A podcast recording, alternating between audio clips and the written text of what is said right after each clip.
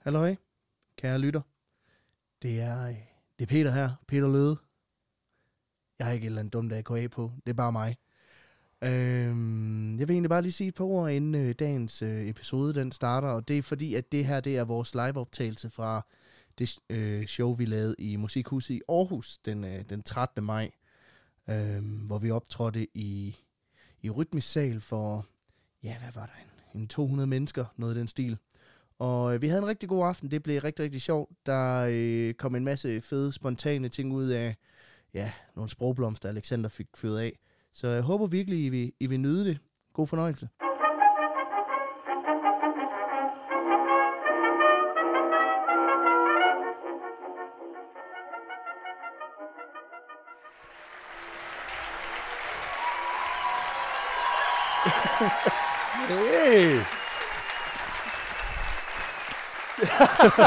Halløj! Hej!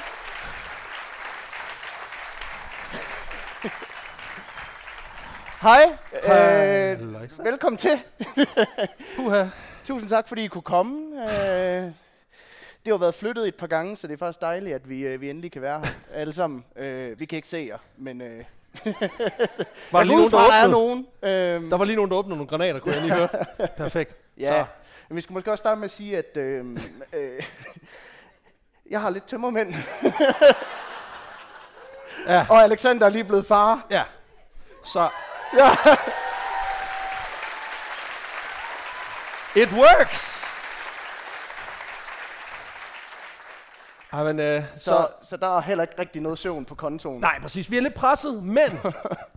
jeg ved ikke, om mange af jer ved det her, men det er jo her, vi plejer at være, når vi optager. Så på den måde får I den autentiske oplevelse af vanvittig verdenshistorie, hvor vi lige- er sådan lidt presset. Men det Kig bliver fedt. bag kulisserne. Lige ja. præcis. Skal vi ikke tage plads, Peter? Det virker mærkeligt, vi står op. ja, det virker faktisk Altså, mega også fordi jeg kan ikke orke mere nu. altså, jeg plejer at sidde på en yogabold sådan 6-8 timer om dagen lige i øjeblikket, så det er rart med en stol, der ikke hopper. No- så, øh, men Men, no, øh, nogle af jer, der har været inde og se os før, ved måske også, at vi plejer at have sådan nogle øh, historiske jakker på. Sådan en dybølsjakke. Øhm, ja, coronaen, den har været god ved os, så jeg. Jeg kunne ikke passe den til at starte med. øh, Så det, øh, det element har vi lige skåret fra. Øhm, vi kan knap få den her t-shirt til lige at... ja, præcis. Så- Det ligner sådan en Iceman t-shirt fra 2004. Det er perfekt, Peter. Ja. Ej. Nå, Men øh, skal vi ikke lige huske at sige velkommen til, det er selvfølgelig vanvittig verdenshistorie, med mig, Alexander Janku, a.k.a. Piper Luke, Neo Triller. Ja, den er købt. og jeg hedder Løde. Ja, tak.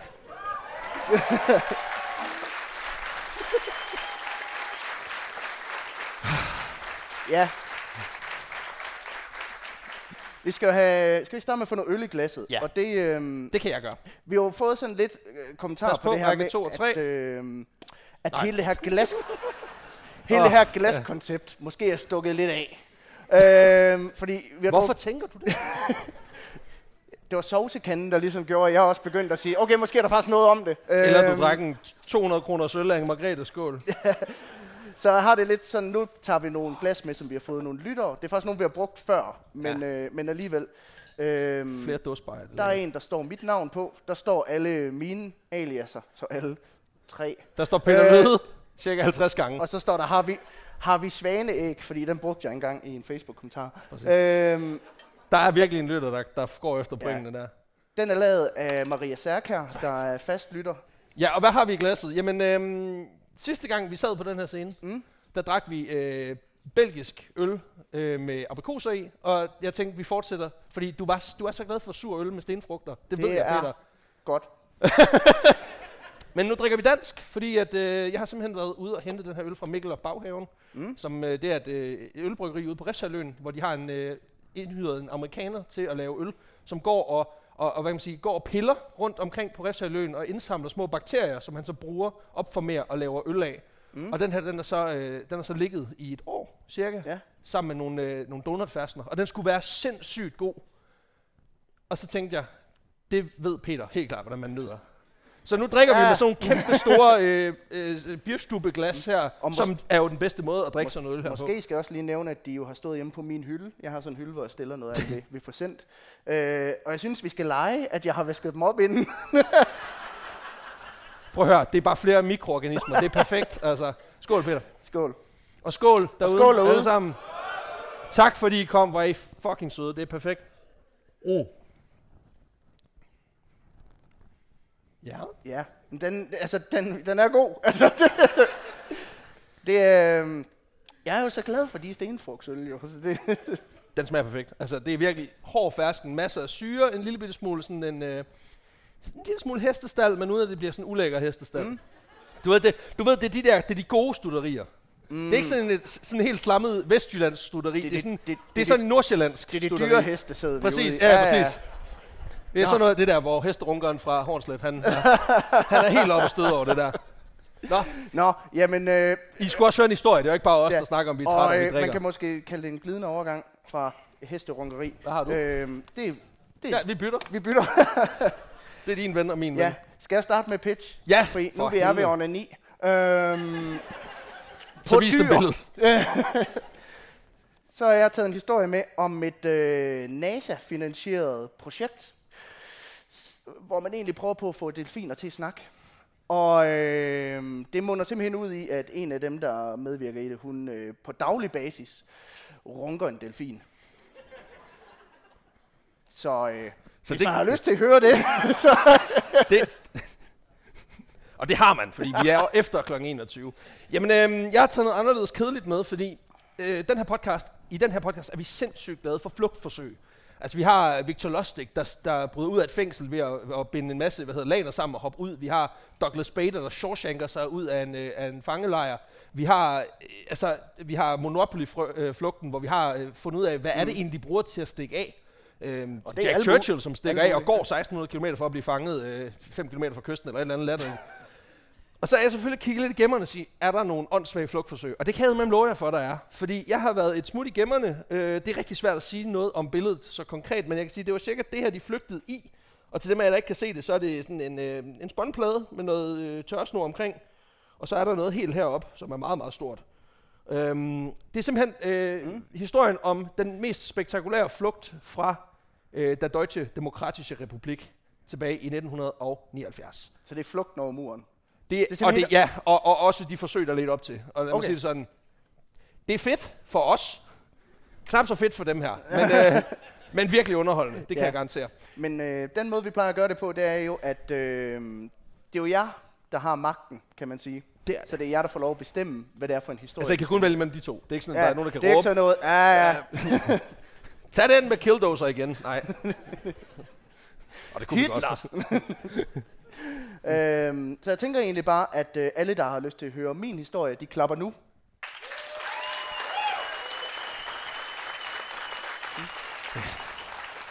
Ja, Og alle dem, der gerne vil høre min historie, de klapper nu.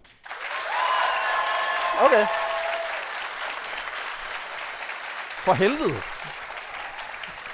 Fedt. Jamen, øh, Så kan du bare tømme mig ind i fred. Bare lige klap, hvis jeg falder i søvn. Jeg ved godt, vi helst ikke må rejse os op på grund af corona, men du, jeg kommer sgu til at stikke dig en flad, hvis du falder i søvn. Jeg ved ikke, var det delfin under nien, der, der var sådan, ah, det er fordi, de ved, det er lidt ligesom, når man spiser dessert. Man ved, man gemmer det bedste til sidst. Den får de bare på et senere tidspunkt. ja, ja, Nu tager de lige vaniljen, fordi så er vi ude over det. det er klart. Det er ligesom træfarvet is, hvor øh, man lader chokoladen ligge, fordi den smager mærkeligt. Modsat vaniljen i en is, der koster 13 kroner literen. Det er, det er den gode til, uh, tahitianske vanilje, det ved vi alle sammen. Nå, men øhm, som sagt, vi skal snakke om et øh, virkelig spektakulært flugtforsøg mm. i dag. Um, og det er faktisk et, et flugtforsøg, jeg er blevet gjort opmærksom øh, på af en lytter. Og jeg kan garantere, at jeg har brugt næsten lige så lang tid, som jeg har brugt på research, på at finde ud af, hvad fanden den lytter hedder. Men jeg kan simpelthen ikke finde ud af det, så hvis det er en af jer, så øh, call me. Øh, og, og hvis øh, det er dem, der lytter derhjemme, så ja, også call me. Øh, fordi der skal selvfølgelig falde en muldpose af. Det Ja, kan ikke være det er klart. Det er og den klart. bliver med øl i. Alt er godt. Men øhm, fordi det er simpelthen så sindssygt et flugtforsøg, jeg bare var nødt til at skrive den her historie. Jeg kan fortælle jer, at fra jeg fik linket mm. til at gik i gang, det var, det var instant. Og jeg skrev i tre timer straight, fordi det var bare for dumt, det her. Øhm, kan godt være, at jeg oversælger helt vildt, men jeg synes bare, det var sådan, nej, det mener I kraftigt ikke. Ej, det kan være, folk de sidder lige om lidt sådan, vi skulle have taget den med delfinpikken. Ja, præcis. det, er, Det er ikke en dårlig ting at tabe til. altså, det har jeg gjort før. Så, øh, åh ja. Sagde det noget om min tidligere forhold, det ved jeg ikke. Mm. Undskyld. Nå, øhm, Men før vi ligesom går tilbage, øh, altså før vi når til det, så skal vi lige smutte tilbage til, til 1949. Okay. For det er her, den, øh, den øh, der Deutsche Demokratische Republik bliver oprettet 7. oktober Mm. øh, i efterdønningerne af 2. verdenskrig. Ja. Krigen den afsluttede, ligesom som vi, de fleste ved, 1945. Jeg ved godt, der er en enkelt, der tænker, hvad? Is it not still going? Der sidder i hvert fald en mand i Japan og er sådan Ja. lidt i øh, men øhm, man kan sige, at krigen den slutter, og efterlader ligesom et smadret Europa og et Tyskland, som på en eller anden mærkelig måde skal genopbygges. Ja. Øhm, det er ikke sådan, at man bare lægger hele mådet brak og siger, vi starter forfra. Øh, desværre, kan man sige. Det kunne også have været fedt. Det er ikke Øhm, ligesom i en Marvel-film, hvor de har kæmpet inde midt i New York og smadret halvdelen, og så i næste film to uger senere, så er de sådan, hold kæft, det var en hård det var weekend. faktisk nemt at opbygge. altså, så stor er Grand Central Station faktisk heller ikke. Nej, præcis. lige, øh, Vi kan sagtens skaffe nye glas. Det er som sådan ikke et problem. Folk er virkelig venlige til at hjælpe her. Nå, men øhm, landet, Tyskland, er på det her tidspunkt delt ind i fire store zoner, hvor England, Frankrig og USA, de ligesom har, har Mm. delt den vestlige del op i tre, og så har vi Sovjetunionen, de styrer ligesom en del af den, primært den østlige side. Ja. Aftalen om, hvordan de skulle dele det op, den havde de allerede lavet, før krigen rent faktisk sluttede. Øhm, men den blev ligesom bekræftet på det, der hedder Potsdam-konferencen i sensommeren 1945. okay. Hvilket også siger lidt om, hvor ballsy man har været. Man tænkte, den vinder vi, den her. Vi deler skulle lige rådet, Mm. inden vi helt er færdige. Det er jo bogstaveligt talt, hvordan deler vi kagen. De har Præcis. stået med sådan et pie-diagram og været sådan, yes. jeg tager den her 25, til den her. Også bare, hvor meget krig har du været med i? Fint, så får du 42 procent. Ja. Øh. Jamen Churchill, så skulle I have lavet noget mere. Det, præcis. Din dogne hund. Men nu, man, man har ligesom fundet ud af, at det er det, vi gør, så man deler ligesom bare landet i fire siger, så den skulle i vinkel, fordi yes. nu skal der være fred i Europa. Og det ved vi jo alle sammen, at det gik bare pisse godt. Så tak for i aften. Altså, Det, nej, det er også det der med at opdele lande, det går jo altid. Altså, det går pisse godt. Det, det har man vi snakket set, om Man har jo før. set talrige eksempler på, at det, Korea, Israel, jamen, you get it. Altså, det kører mm. pis godt. Folk er glade. Ja. de steder. Det ved vi alle sammen. Øhm, der er selvfølgelig lige lidt spændinger mellem øst og vest på det her tidspunkt.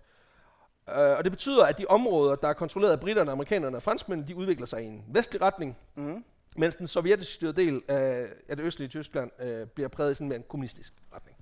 okay, ja.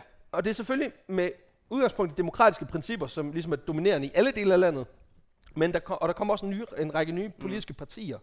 Øhm, Det, det er jo lidt ligesom, hvis man er skilsmissebarn, og så er man på weekend det ene og det andet sted. Hvor den ene, det ene sted, der er der helt vildt meget frihed, og du må spise slik øh, til morgenmad, og så er det et andet sted, der er der bare pisk. Og, Og gulag. ja. Du ender bare med at sidde i brændekassen hele weekenden. Ja. Også meget koldere over hos far. Ja. Igen socialrealisme lige der. Øhm, Jeg så et folkemord over ved far. det skal du ikke sige noget i skolen. Det. Nå, men øh, der opstår ligesom en, der blomstrer en række politiske partier op, nogle som har eksisteret før krigen, men også, Mm. altså, der kommer en del nye. Men især i den østlige del, der er det det, det socialdemokratiske SPD og det kommunistiske KPD, der ligesom får, får stor tilslutning. De er fans. Ja. Øhm, og selvom det- demokrati der er meget fedt på mange måder, så er den sovjetiske midlertidige administration, der sidder ligesom og, og ligesom lige har styr på sagerne for dem. Fordi mm. de, de er trods alt lige gået ud af en krig, de har lige mistet far. De skal have en ny far. Mm. Øhm, og det er så so- sovjetter, øh, Ja, sovjetter så ligesom har har fået en ny kæreste. Ja, præcis. Det er en revrød lejesvend. øh, og de er ikke skide glade for alle de der vestlige tiltag, der foregår over hos naboen. Um, og de flyder jo naturligt også ind, kan man sige, efter at Hitler og hans kompaner, de ligesom er smuttet. Ja, ja. Altså det er som om, at folk de vil gerne have, ikke det der, øhm, og det, det, men der, der er Sovjet sådan lidt, ah, rul nu. Det er også fedt nok, det der med, at I ikke bestemmer, ja. tænker jeg. Prøv at tænke på sådan, man slet ikke tager stilling til en skid. Nej, præcis. Blandt andet så hjælper den sovjetiske administration øh, den her, det østlige Tyskland rigtig meget i 1947, da de vælger at, øh, at, at takke nej til en del af, at være en del af hvad hedder det, Marshallplanen, som var sådan et, et, et stort Mm. program, hvor man skulle booste eu- europæisk økonomi med en investering i omegnen af omkring sådan 1000 milliarder Ja. ja. kroner, svarende til altså i nutidspenge. Og det er også bare fordi, at man ligesom på det tidspunkt vurderer, jamen det østlige Tyskland, de kan sgu godt, altså de kan Det var sådan klare en sig. form for indefrosne feriepenge, man gav til hele. Europa. På en eller anden. Så ud og, ud og købe nogle fladskærme og sådan noget. Eller måder at overleve på. Det, det værste med det eksempel, det er, at det, jeg har brugt mine indfrosne feriepenge, det er at købe verdens fucking største fjernsyn. Præcis. Og jeg har brugt den på en cykel og noget mad til min datter. Og jeg har argumenteret over for min kæreste. Jeg siger til hende sådan, prøv at høre, det er fordi, når jeg spiller, sådan, øh, vi havde 32 tommer tv før, nu er vi gået op i 55. Øhm, Men lejligheden er stadigvæk 40. ja, ja væggen er ikke blevet meget større. Men øhm, så, så siger jeg til hende, prøv at høre, det, det er vi nødt til. Ja, altså, når, når jeg spiller Playstation, jeg, jeg kan ikke læse, hvad der står. Og det er fordi fjernsynet er for småt. Så får vi et nyt fjernsyn, så jeg kan kraftigt med at læse, hvad der står der. Så nu har jeg fået briller. altså, ja, Det er jo faktisk, det er der ikke mange, der ved, men det er jo en skræmmende stor del af, af Samsungs salgsstrategi. Det er simpelthen at fra, afholde folk fra at få briller, mm. i, fordi så køber de flere fladskærme. ja, ja. Det er der ikke mange, der ved, men I fandt ud af det her. Så selv tak. Der største konkurrence er jo prof, øh, profiloptik. Profiloptik. Ja, præcis. Nå, men øhm, de, har, de vurderer simpelthen, øh, så den sovjetiske administration, at Østtyskland de kan klare sig ved hjælp af gode, solide kommunistiske principper, og så kan de altså klare sig selv. Og efter de vestlige lande de går sammen og danner Bundesrepublik Deutschland i, i maj 1949, så følger Sovjet ligesom efter. De vurderer, det er fedt det der, skal vi ikke også gøre det? Det gør de så i oktober samme år med Deutsche Demokratische Republik. Og det er jo den dårlige toer. Det, det, det må man sige. Det er en ting. En anden ting er, at man ved også, at hvis der er ordet demokrati i det, så er det sjældent, fordi der er en del af det. Ja. Altså. Men det er jo det der, når man er Den nødt til at deklarere, hvor det er sådan, øh, nu er jeg jo ikke racist, Men men øh, nu er vi jo ikke demokratisk, men det er i navnet. Så det, nu er vi jo demokrater, men jeg tænker, du skal ikke være her, du skal ikke være her. Du skal sultes. hvad med, Ja. hvis- det kun var os tre, der Ja. stemte? Præcis, sådan noget. Og sjovt nok, selvom at der bliver dannet to demokratiske republikker lige ved siden af hinanden, mm. så er det ikke helt samme sæt spilleregler, de kører efter okay. i de to nye nationer her. Vesttyskland de bliver modelleret efter sådan et meget vestligt øh, demokratiprincip, med en mm. forfatning, der er baseret på øh, demokrati. Og den forfatning skal så igennem alle delstaterne i det vestlige Tyskland, før den ligesom bliver godkendt. Der er så lige nogle få begrænsninger, fordi det er som om, at øh, der er lige nogle industrier, hvor USA, Frankrig og England, de lige sådan, åh, oh, lige et øjeblik, vi skal lige have en mand ind og lige sige, at det er en god idé det her. Det er blandt andet så som militærpolitikken. Og igen, jeg tænker, der er nogle trust issues. jeg er sådan lidt, ja ja, øh, I skal bruge stål, det er med på, men I behøver ikke at bygge kampvogne nu. nu, nu det har, vi har fået nok af det der nu, så læg den hammer, Heinz. Så. Det er ikke hammerzeit. Det er, nu er det bare... Der er nogle få, der ved, hvorfor det er sjovt. Det er perfekt. Nå, men øhm, over på den anden side, der ser Sovjet ligesom til, og de hopper også på ideen om det selvstændige land. Mm. Men det er bare lige, du ved, det, det er inspireret af de sovjetiske kerneværdier. Ja. Deres forfatning er en smule anderledes i den forstand, den egentlig tager meget udgangspunkt i den, øh, der var for Weimar-republiken, som, som var før øh, Hitler kom til. Ja. Og så er der lige nogle, nogle centrale artikler om sådan nogle små detaljer, sådan som ytringsfrihed, pressefrihed, forsamlingsfrihed og sådan nogle ting. Så nogle, Hvor man så sådan- nogle, øh, altså, Man vælger simpelthen bare at beskrive det sådan rimelig luftigt. Sådan i, det er her. Måske.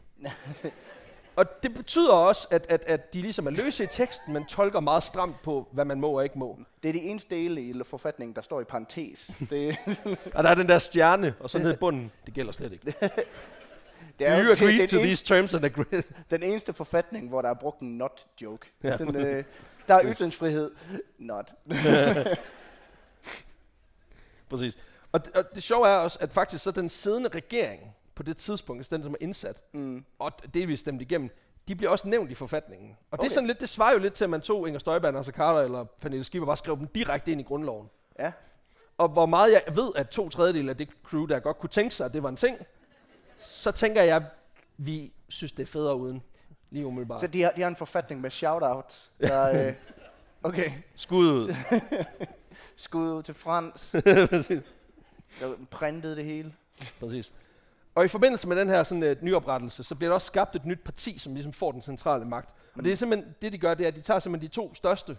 De, har, de tager SPD og KBD, og så laver de bare, altså parti nummer to, megaparti. som kan alt det fede. Og upgrades og alt muligt, og det har også raketter og sådan noget. Det er fedt. Øhm, Det er sådan en Gundam af partier, der... Lige præcis. Og, øh, og lederen af det her nye parti, øh, Socialistiske Einheitspartei Deutschland. Okay. Ja, der kommer mange tyske navne, og jeg kommer også til, og det bliver ikke kønt, men øh, det må jeg altså leve med.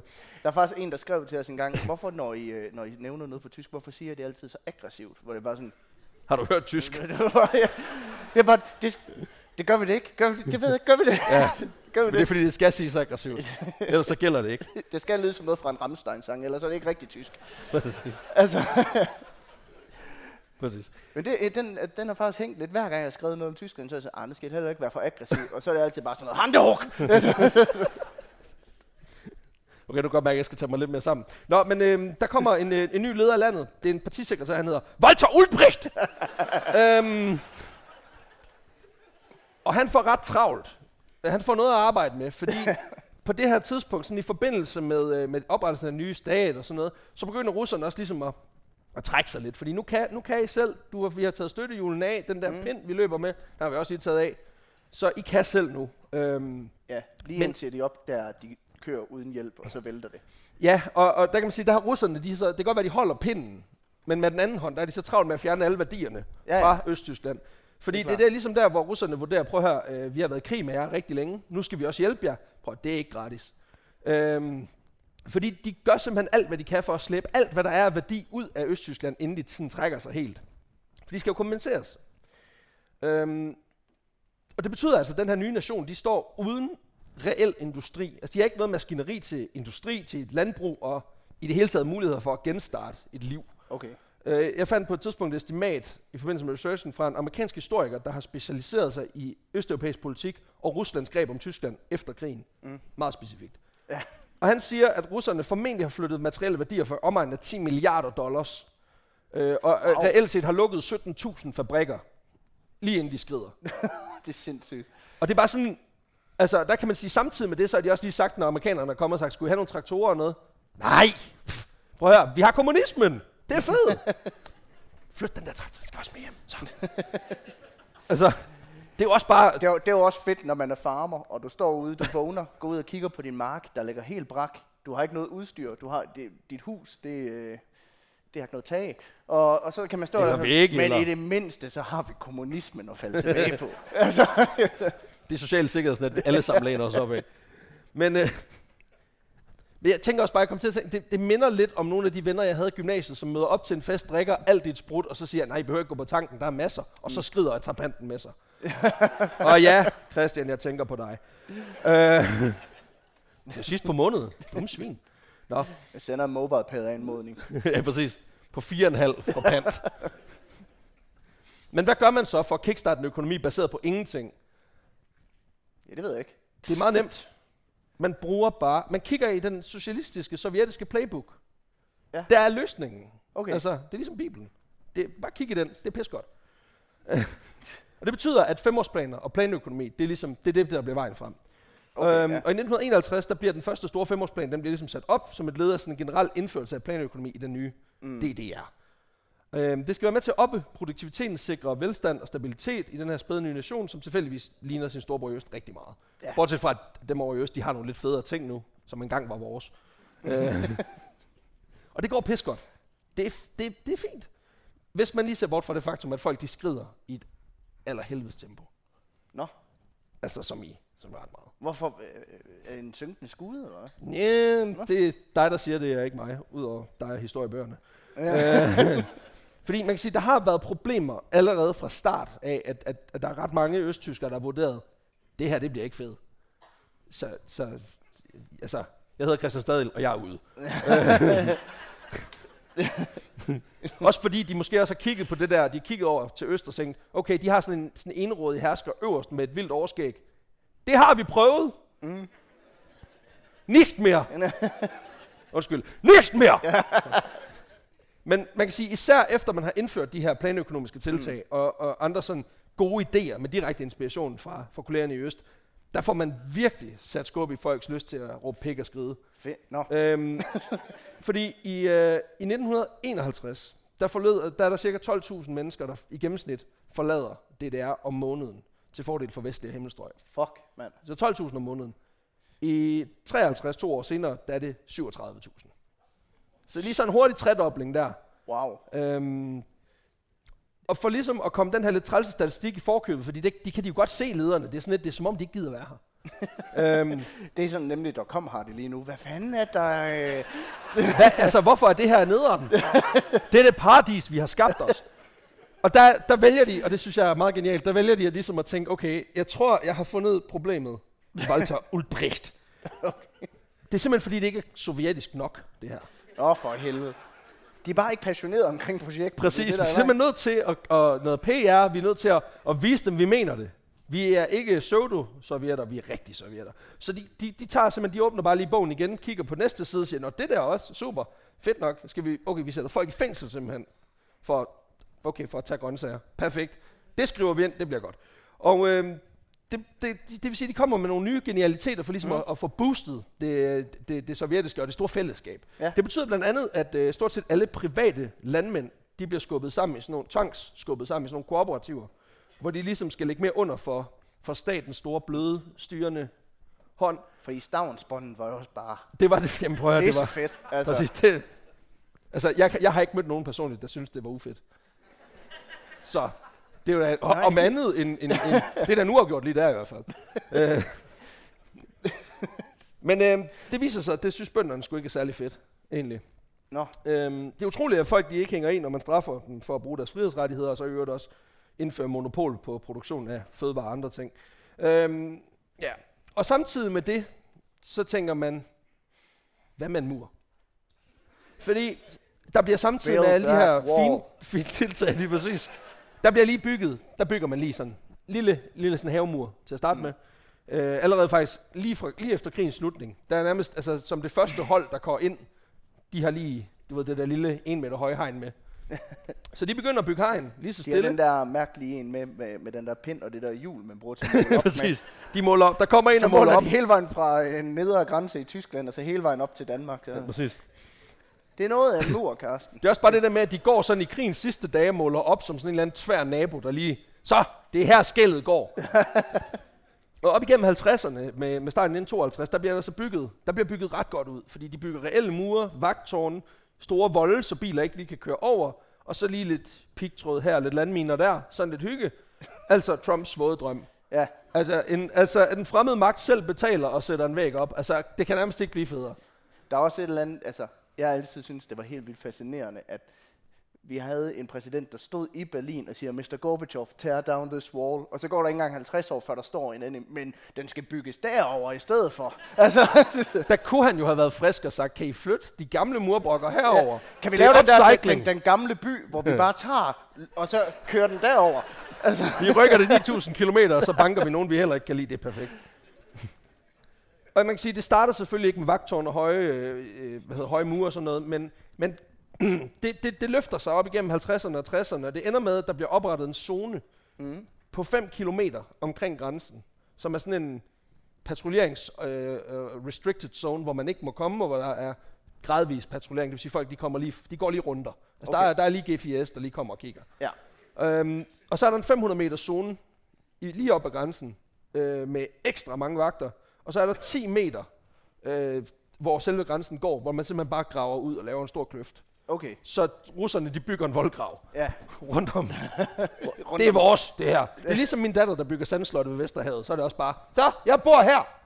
Øhm, det er jo rart at vide, at en, en, en ny stat opfører sig som et nyt barn. Det, det kan jeg enormt godt lide.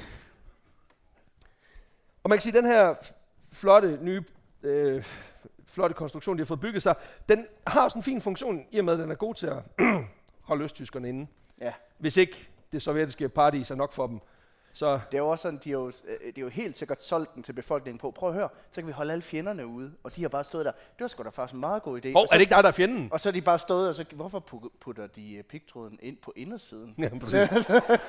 det er først til sidst, når de går og spreder landminer ud sådan lidt. Hvad, er, skulle de ikke? Skal, skal de være over på den anden side af voldgraven, eller hvad? Åbenbart ikke. Men jeg tænker...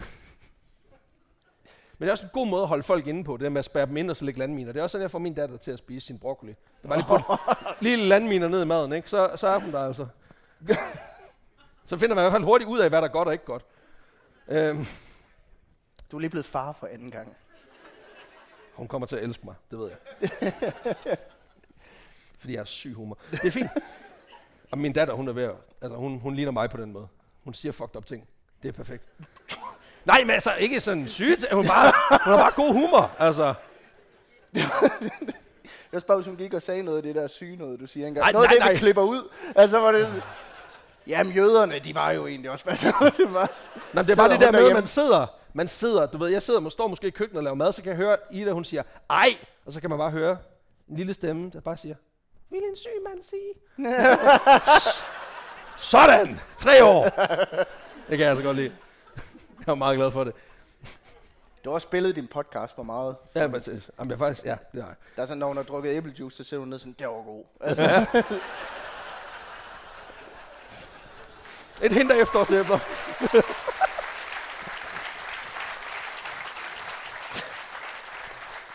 Det var bare, hun også sådan lidt, godmorgen far, AKA. daddy jo. Den her grød har et hint af brændt note. Hold din kæft. Altså, slap af. en lille gourmand. Det er forfærdeligt. Nå, i 1961, der bygger man så Berlinmuren. Og der gør man egentlig det, at, at øh, man pakker hele Vestberlin ind i mur. Og det er simpelthen fordi, Berlin ligger jo et par hundrede kilometer inde i det, som egentlig var russernes mm. territorie. Så det ligger ligesom sådan en selvstændig enklave derinde, og fungerer som sådan, sådan en fin lille lys i et stort rødt hav. Øhm, tænker også, det er, sådan, det er på en måde ret fint tidspunkt lige at få hegnet det sidste ind, for ligesom at, og ligesom sige, så nu er vi også færdige med det projekt, nu ved vi, hvor vi har dem. Og det har også noget at gøre med, at man også rigtig gerne snart vil have gjort noget ved det, som bliver kaldt for republiksflugt, som på det her tidspunkt er en stor ting. Stadigvæk. Okay. Fordi selvom man hegner ind, så er folk, de løber over. Øh, og det var stadigvæk på det her tidspunkt i 61 en lovlig praksis. Altså man må godt, man må godt emigrere, hvis man ønskede det. Og lige sådan et bud. Hvor mange vil du gætte på er smuttet fra DDR, fra at de blev oprettet i 49 og til Berlinmuren bliver skabt i 1961? oh, Jeg siger, det er jo cirka mellem 14 og 30.000 om, om måneden, så det er cirka en 300. øh, det er lidt en mindre. million? 3,5. Ja, Okay. Det er, en, det, det er en sjettedel af befolkningen, der var vurderet. Det her, det er noget fucking lort. Det var halvdelen af Danmarks befolkning. Ja. Wow. Altså, det var også noget fucking lort. Altså, hører du, hvad det er, jeg sidder og fortæller dig? Åh oh, nej, de er så edgy. De hader bare Sovjet. Ja. Vi er ikke røde, det er det, jeg siger. Nå, men de, indtil nu har, kan man sige, der er de skrevet på lovlig vis. Ja. Og det skal til at være slut nu. Så muligheden for lovlig immigration, de bliver begrænset helt sindssygt i forbindelse med, at man lige så bygger Berlinmuren. Blandt Så det var andet... simpelthen bare, da, inden da, der kunne du køre hen til grænsen, så siger hmm, vagten, så siger han, hvad Ja, du? skulle, jeg, "Jeg der, der derover." skulle søges lidt og sådan noget. Der var også mange, der, der sagde, jeg skal bare lige, jeg skal lige tisse. Og kom tilbage. Nej, gotcha. Jeg skal, Øhm, bare lige, jeg skal bare lige på ferie. præcis. I sommerhustur. Ved den vestlige side, tak. Der bliver blandt andet i forbindelse med den her indhegning af, af Vestberlin, der bliver der også bygget en helt ny togrute, som går hele vejen rundt om Vestberlin. Og det er simpelthen Okay. fordi, at langt de fleste, der har emigreret i den her periode, de gør det med toget. Vi simpelthen at tage toget igennem byen fra øst Mm. til vest. Og det har jo noget at gøre med, at, at Berlin på det her tidspunkt har været et ret stort trafikalt knudepunkt imellem land og by, fordi det er ligesom Ja, det der er mange togruter gået igennem. Og det sætter også ligesom nogle ting i relief, synes jeg. Fordi der med i dag, der har vi flygtningestrømme. Folk, der flygter fra, med deres familie fra en ond diktator, du ved, sover Går i langs, grotter, går langs med motorvejen. går langs med motorvejen over Middelhavet på en dør med olietønder under og sådan noget. Tusindvis af kilometer herop for at søge et nyt liv, ikke? Dengang to stop med S-toget. så man bare sådan lidt, fuck det her, vi kan lige nå den 16.30. Ind. Det er jo også bare definitionen af white privilege. Det er bare sådan, når vi får internt for fuldt, jamen fint, du tager bare, du tager metroen, så er du færdig. Jeg har sgu købt en orange billet til afsfart, du. Så øh, det, Ja, for nu gider jeg ikke det her pis mere. nej, præcis. Ikke flere rødbeder, så er det nu. Pak jeres ting. Men det var faktisk også, det var meget fedt, fordi at hvis man nu vil simulere, hvordan det egentlig er at være flygtning fra DDR til øh, Republiken Tyskland, så kan man jo bare køre med DSB, fordi det er præcis de samme forhold. Vi får, vi får smidt mange store regimer under bussen i dag, synes jeg. ja. Nå, den her nye togbane, den går hele vejen rundt om Berlin og er cirka 100 km lang. Rimelig besværligt, mm. men det virker. Fordi man går fra at have over en kvart million immigranter om året, til at have et par hundrede. Åh. Så det er effektivt. Der er virkelig, nu er der sat en prop i, ikke? Og det er Ja, også ja. rart at vide, at der endelig er nogen, der har bygget et letbane, der virker. altså, det var det sidste. Så, mig, det virker. Det er Det er bare, at de har bare erstattet det tog med en letbane, så får så, ah, okay, så desperat er jeg. her." altså, det, Så bliver vi.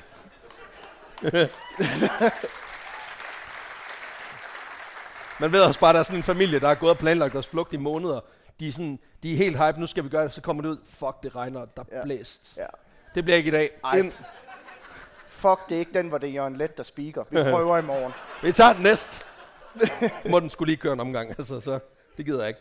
Vi ved jo også godt begge to, nu sidder vi bare her og danser med varme grød og sådan. Vi ved jo godt, at det der er sket her, grunden til, at vi er gået fra en kvart million til 100 mand, Mm. det er jo fordi, de har indset. Det er faktisk meget fedt. Ja, Ja. det ved vi alle sammen. Det er fordi, nå, det var derfor. Godt. Det, det, var det, det var det store hegn med pigtråd, der fik mig overbevist. det har ikke handlet om, at man har bygget mur og vagtårne, 10.000 vis soldater til at stå vagt, indført strenge øh, fængselsstraffe, hvis man krydsede øh, uden lovhjemmel. Og så får man også lige indført sådan et lille lækkert begreb, der hedder Scheissbefehl. Hvad? Scheissbefehl! Scheisse. Scheissbefehl. Scheisse. Nej, ikke scheisse. Nå, okay. Nej, det, det, er simpelthen noget, det er simpelthen noget så fint, som at øh, hvis du prøver at flygte, så skyder vi dig. Nå, cheese. Ja, ja præcis. Ja.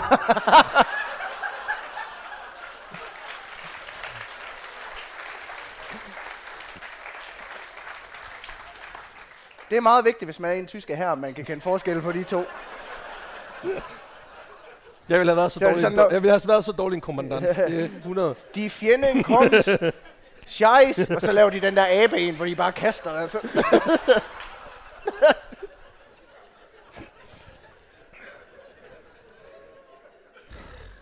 Jeg har fået fire timer søvn i nat. Og nu bliver du ret sat ved en med tømmermænd. Det, bliver, det, det, helt- Hvad fuck er det, jeg købte billet til? Der er nogen, der har købt for et år siden, de tænker, hvad fanden? Altså, det var overhovedet ikke. Men det, jeg håber, det går. Nå, men det er sådan en lækker lille lov, der lige bliver indført i, i 1962, ja. Hvor man så lige siger, den der øh, FN's menneskerettighedskonvention. Ah, ved du hvad? Fuck det. Folk skal ikke have lov til at forlade deres eget land, sådan, uden at vi skyder på dem. Og, og man kan sige, Det er sådan, det har været under corona. Ja, jamen, og igen, de har jo bare lavet vurderingen, at det er jo bare menneskerettigheder. Det ved vi også. Der er Ja, ja. også danske partier, som har sagt det sådan i flere år. Det er fint. Og det kan man jo godt forstå, når man hører om, hvor svært det er at holde folk inde. Ja. At selvfølgelig er vi nødt til lige at skyde dem. Altså, Det prøver de i hvert fald ikke det igen. jeg tror, de har fattet det. Ej, okay, så er det faktisk meget fedt at være her. Det kan jeg godt se. Kommer tilbage dækket af lort og skud. Hvor er du nødt til at snakke med ham derovre? Han fatter ikke en skid af det her. altså, hvad fanden? Bare, ej, det, er også, det er også virkelig træls. Men det er fedt nok at se slow en, der endelig stikker af. Det der Checkpoint Charlie-fyr med ham, der stikker af Ja. fra øst mod vest. Og bare se kaskader, afføring og skud, der kommer bag ham. Cool guys don't look at explosions. Det er som Der står bare en mand med røven. Abeboet i Odense Soda bare. Det er et smukt billede. Det må vi lige, hvis der er nogen her, der er god til Photoshop, den vil vi gerne bede om. Uh, Ja tak til det, Ny, nyt t-shirt design lige der. Nå, men bare fordi man risikerer at blive skudt, øh, eller blive ramt af afføring, jog på en landmine, eller få fængsel, bank, alt det der. Det forhindrer altså ikke folk i at stikke af for det der. Nå. Og nu er vi endelig kommet til det, dagens historie handler om. Og jeg vil bare lige sige, det er officielt det længste indløb, jeg nogensinde har lavet. Det, det er lidt blevet min ting nu, det der med, okay, det kan godt være, at der er nogen, der engang har syet en tank sammen med karameller, men I skal kraftedeme også lige høre om Koreakrigen. Sådan er det bare. Øhm, og det er bare lige at sige, selv tak. Altså, der er lige lidt fælles historie, det er vigtigt. og nu har vi også ligesom sat stemning, ikke? Vi har fået etableret, at jeg kan ikke kende forskel på lort og skud, og det er helt. I hvert fald ikke før i dag. Det er ikke så godt. Det forklarer en masse ting, faktisk. Nå, men... Nå, men jeg vil i hvert fald fortælle om nogle af de mere spektakulære måder, folk de er stukket af fra, fra det gamle DDR. For der er nemlig ret, ret mange spektakulære flugter fra DDR. Det er en af de mest kendte. Det er øh, den 59-årige Ida Sigman. Hun bliver det første offer til at dø ved Berlinmuren ni dage inden i konstruktionen af Berlinmuren. Okay. Hun bor i en lejlighed i Bernauer Straße, som egentlig lå lige på grænsen. For man har igen man har bare lagt en linje, og så kunne det være... Det er ved at falde ned, det hele. Ja. for helvede, sådan der. øhm, så man har jo lagt en linje et eller andet sted, så der er også nogle huse, der ligger lige der. Og det betyder, at Så hun rent faktisk har... ud, og så se folk, der springer i luften. Ja, præcis. Med Eller, eller folk, der har tandpasta og sådan nogle ting. Er udsigten god? Ja, de ser ud til, at de har det rigtig godt over på den side. Definitionen, græs er altid grønne på den anden side, det er faktisk rigtigt der. Fordi de har vand og vand med og sådan noget. Det er fedt. Det er pisse træls, at jeg skal vaske vinduer så tit, fordi jeg kaster dem alle lort. Ha! ah, for helvede, mand. Nå, men det betyder altså, at hun har vinduer ud mod Vestberlin, mm. men hoveddør i Østberlin. Godt, man kan godt mærke, at hun havde okay, Okay, håbet ja. på, at de lige havde vendt den om, ikke? Så det er på øh, hvis hun hopper ud af vinduet, så... Øh, Ja, og det kan man sige, hun benytter sig simpelthen af det vindue, da hun den 22. august springer ud af sit eget vindue fra 4. sal for at komme ud. Og Åh. der vil jeg bare sige, så vil man det fandme mig gerne. Hvis man tænker, så bliver det den vej. Øh, statens folk, altså de øh, østtyske mm. myndigheder, øh, DDR's øh, øh, folk havde simpelthen, de var gået i gang med at mure hendes underbords vinduer til. Og de havde stationeret vagter nede ved hendes hoveddør for at kontrollere folk, der gik ind og ud, for at være sikre på, at, der, at de vidste, hvor mange der var i bygningen at all times. hun har fået dørmand på. Okay. Hun har simpelthen fået dørmand på, og det var ikke for at hjælpe hende, det var for at holde på hende. Det ville også være en mærkelig dørmand i byen, ikke? Nej, du må ud- ikke gå hjem Ah, ah. fra vinstuen. du, du skal blive en og drikke bajer. Nej, jeg skal hjem. Du kan ikke komme ud her. ikke med de sko på. Du har trådt en lort, jo. Jeg tror faktisk godt, der er nogle jyske dørmænd, der kunne gøre så godt som, øh, som østtysk politi dengang. Men altså, hun, hun ender med simpelthen at vurdere, altså de, de, de murer simpelthen lortet til, for at folk ikke skal flygte, men det er det der, hun vælger at sige, den tager vi lige. Og det er simpelthen blevet en ting, at der står folk fra Vestberlin, som simpelthen løber rundt og forsøger at gribe folk, der hopper ud af vinduer på det her tidspunkt. Og der står faktisk nogle folk, som er i gang med at gribe hende øh, via, vi- via de et, de et lagen. Ja, præcis. Så de er i de gang med hopper at, og siger, doing, tilbage til Østtyskland. Hvis de ved, det er sådan, ah, det er der er den træls over for nummer 13, så vender de lige lagenet. Sådan. ah, det er for fedt, der var en, der synes, det var rigtig fedt. Nå, men, øh, ja. men de, det, er, det er forfærdeligt, det, er. det er faktisk rimelig tragisk. Så lige er grine. øhm, Og så sidder jeg og griner af det på. ja, præcis. Altså, Men øhm, ja, det, det viser sig, de når sgu ikke lige at få spændt lortet ordentligt ud.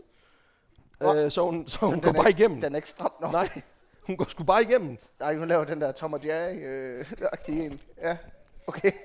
Hun laver en Frans Reinfeldt. Altså ham, der hopper ud fra Nå, ja. fra tårnet. Så øhm, ja, hun får indre blødninger, og ender simpelthen med at, med at blive det første offer.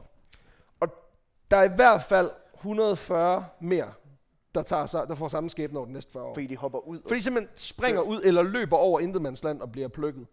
Okay. Øhm, men det, det er primært folk, der hopper ud af vinduer eller ud af bygninger i, i, i Østberlin for at komme væk. Men der er andre forsøg, som er mere succesfulde. Blandt andet bliver der i 1962-64, der bliver fundet en række tunneler, som folk de simpelthen har brugt til at shawshank sig ud af DDR, fordi de vurderede, fuck det, vi graver. øhm, der er en af, af, af de øh, ting, der bliver fundet, det er faktisk, øh, ja, der er faktisk en af dem i 64, hvor man finder ud af, at der er 35 studerende, der er gået sammen som sådan en form for klub, En studenterforening. og så er de simpelthen kørt skiftehold døgnet rundt i 6 måneder for at grave sig ud. For at grave en tunnel. Ja, Fuck. så de har simpelthen bare, de har simpelthen, altså de har lavet et schema og sagt, du har vagt fra 18 til 22, og så tager du også lige, du tager lige dine ting med dig. Og Ej, så er det der er bare gået folk sådan med at vifte, vifte. Frans, han laver ikke noget. Åh. Han får overhovedet ikke lov at flygte. Fuck, nu ved han det. Pis. Ja, det er forfærdeligt. Øh, en anden og mere, sådan, mere skør ting, det er en mekaniker, der hedder Kurt Wortel, som øh, modificerer tre folkevognsbobler, så der kan være folk i frontbagagerummet, Mm. i fronten på de her, øh, de her bobler. Og på den måde der er han med til at snige 55 mennesker ud på to år. Ikke i en bil. Nej, Det er ikke sådan, det er ikke, en klovnebil. det er ikke klovnebilen. bliver spillet Benny Hill, og så åbner han bare til kongen og bare... Det var utroligt, hvor mange kan der være derinde. Det er der, den joke, den kommer fra. De vil virkelig gerne ud.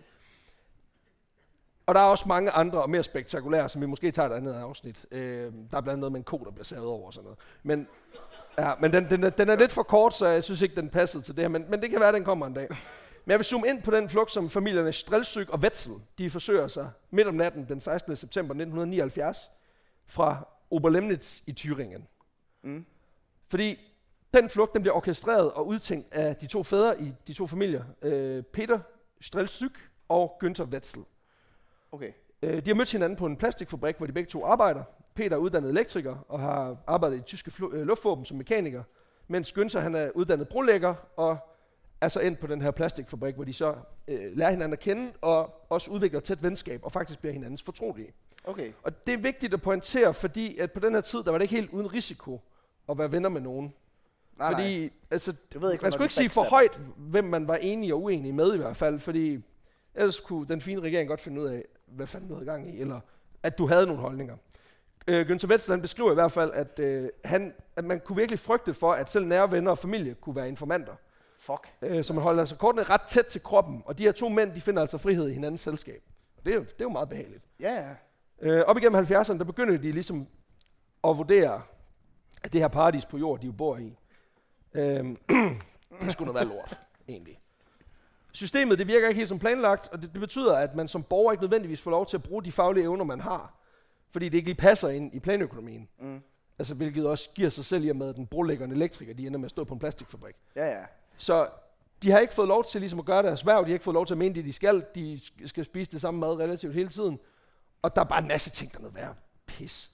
Øhm, og folk er generelt paranoide, øh, fordi de fleste de godt kunne finde på at stikke deres venner og bekendte for at melde deres egen kage. Det må også være øh, hårdt, det der med, at man ikke, du ved, jeg kan godt lide at snakke politik med mine venner, men jeg vil da i hvert fald holde mig lidt mere tilbage med at sige min mening, hvis jeg vidste, at øh, okay, det, hvis jeg siger det forkerte, så kommer jeg ud enten, så bliver jeg shiset, eller så bliver jeg scheisset, det ved jeg ikke. Men, men, øh, men hvis jeg siger det forkerte om, øh, det er egentlig meget fedt, at noget af det, Lars Bøje, han skriver på alle de der artikler, øh, at så bliver man ikke lige øh, Jeg tror, Facebook ville være et bedre sted, hvis man vidste, man kunne stikke sin nabo i ryggen. Men øh, jeg, er ikke, jeg er ikke sikker på, at det er det værd. Det, det er ikke det, jeg siger. Men, men Så skal du ud i rouletten, om du bliver skidt eller skudt. Det er jo ikke til at vide.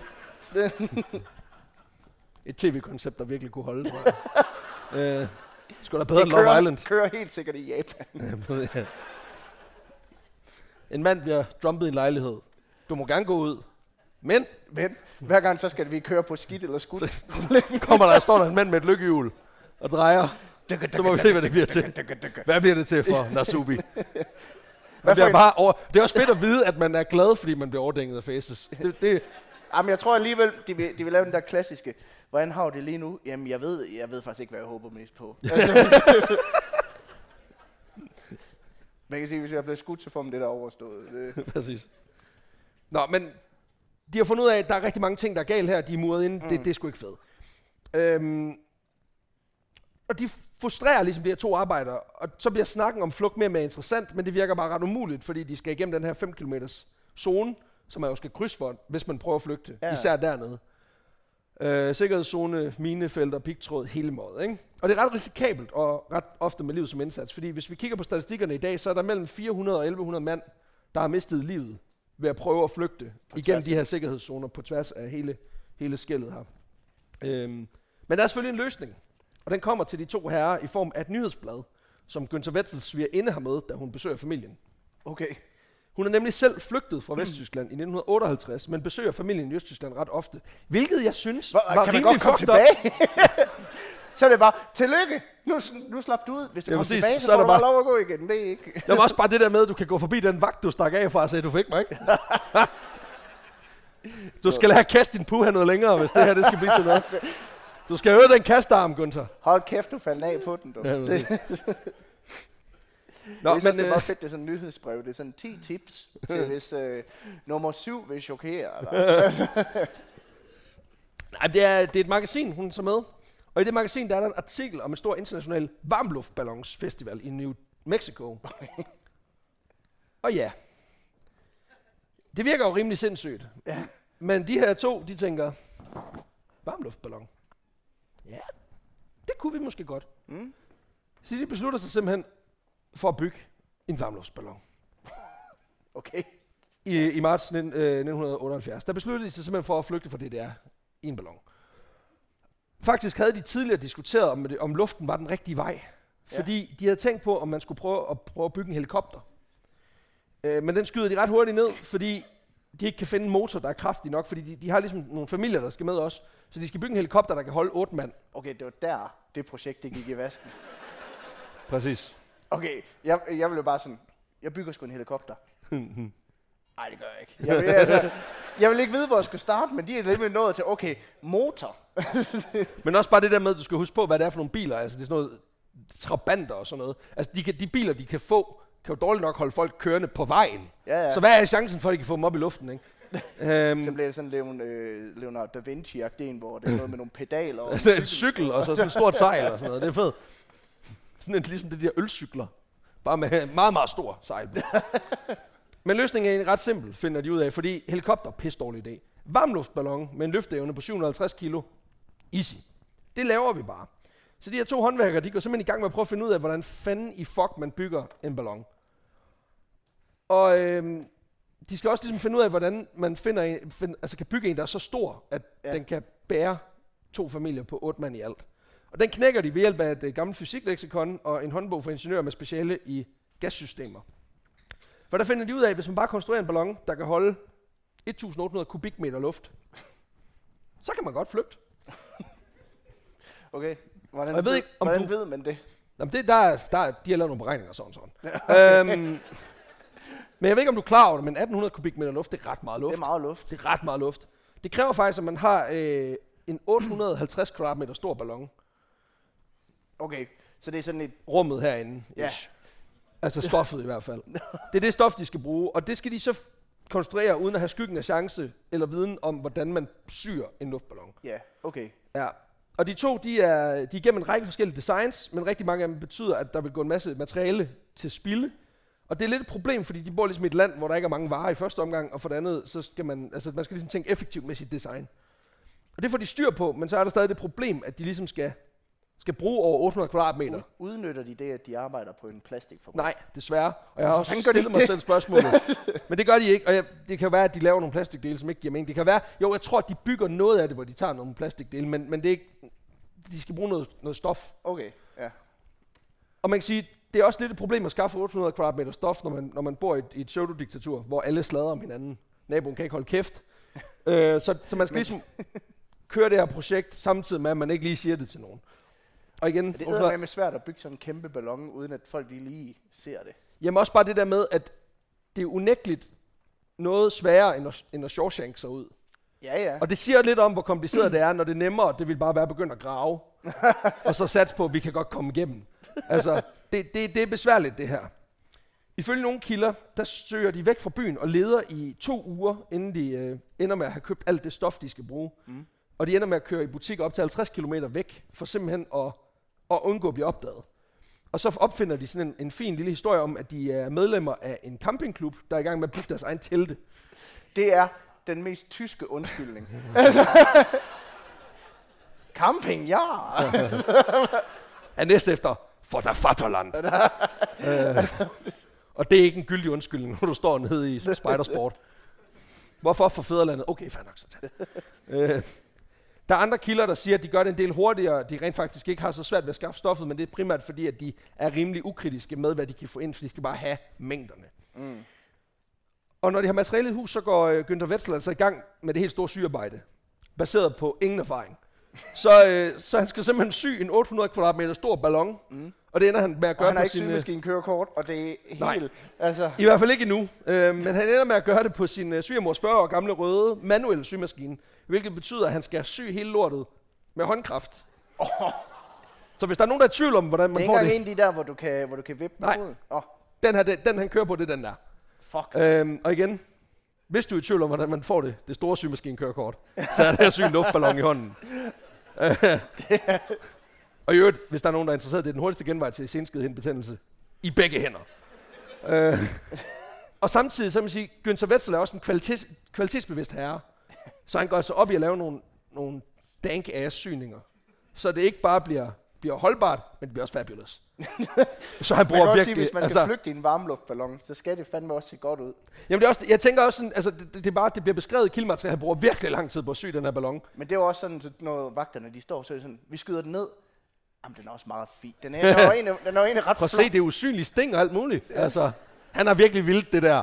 Prøv at høre, så skal han altså så lov Og at komme kæft, ud. han blaster den der nøgne nøgne luftballon øh, ud over det hele. Det skal da en klassesang. Præcis. Jeg tænker også, altså, det, det, det, der bliver gjort meget ud af, at han er kvalitetsbevidst. Det giver også mening, når man tænker på, at det, at den skal bruges til, det er at transportere dem væk ja, Ja, et par kilometer op i luften. Så er man også interesseret i, at mod holder, kan man sige. Og imens Peter han ligesom er i gang med at bygge øh, eller hvad hedder det, at, at Günther han er i gang med at sy på fuld skrue. Jeg skal også sige, jeg gør ikke noget. Nej. Nå, men så går, så går den anden øh, farmand, Peter Strelsyk, han, øh, han går i gang med at bygge kurven. Mm. Øh, og en blæser til at fylde ballonen, og så en brænder, der ligesom skal sikre det. Ja. Når, når ballonen er fyldt, så skal der være en brænder, som ligesom kan blive ved med at holde luften varm, fordi Ja. så stiger ballonen til værs. Og det giver også mening, fordi han er gammel mekaniker. Øhm, så han starter med at lige at bygge et par hjemmelavede flammekaster, nogle gamle rør, lidt tank og nogle dele fra en ovn. Okay, hvad angår Elon Musk? Ja, jeg, jeg, har så valgt, jeg, jeg har valgt at kalde, at kalde ham for Slager MacGyver. Ja. øhm, fordi disse brænder er sehr gut, ja. De er gut. Flammingkasten. Præcis. Og derudover så modificerer han en motor fra en motorcykel, som ligesom skal være med til at, at fylde den her Mm. ballon. Blæse den op.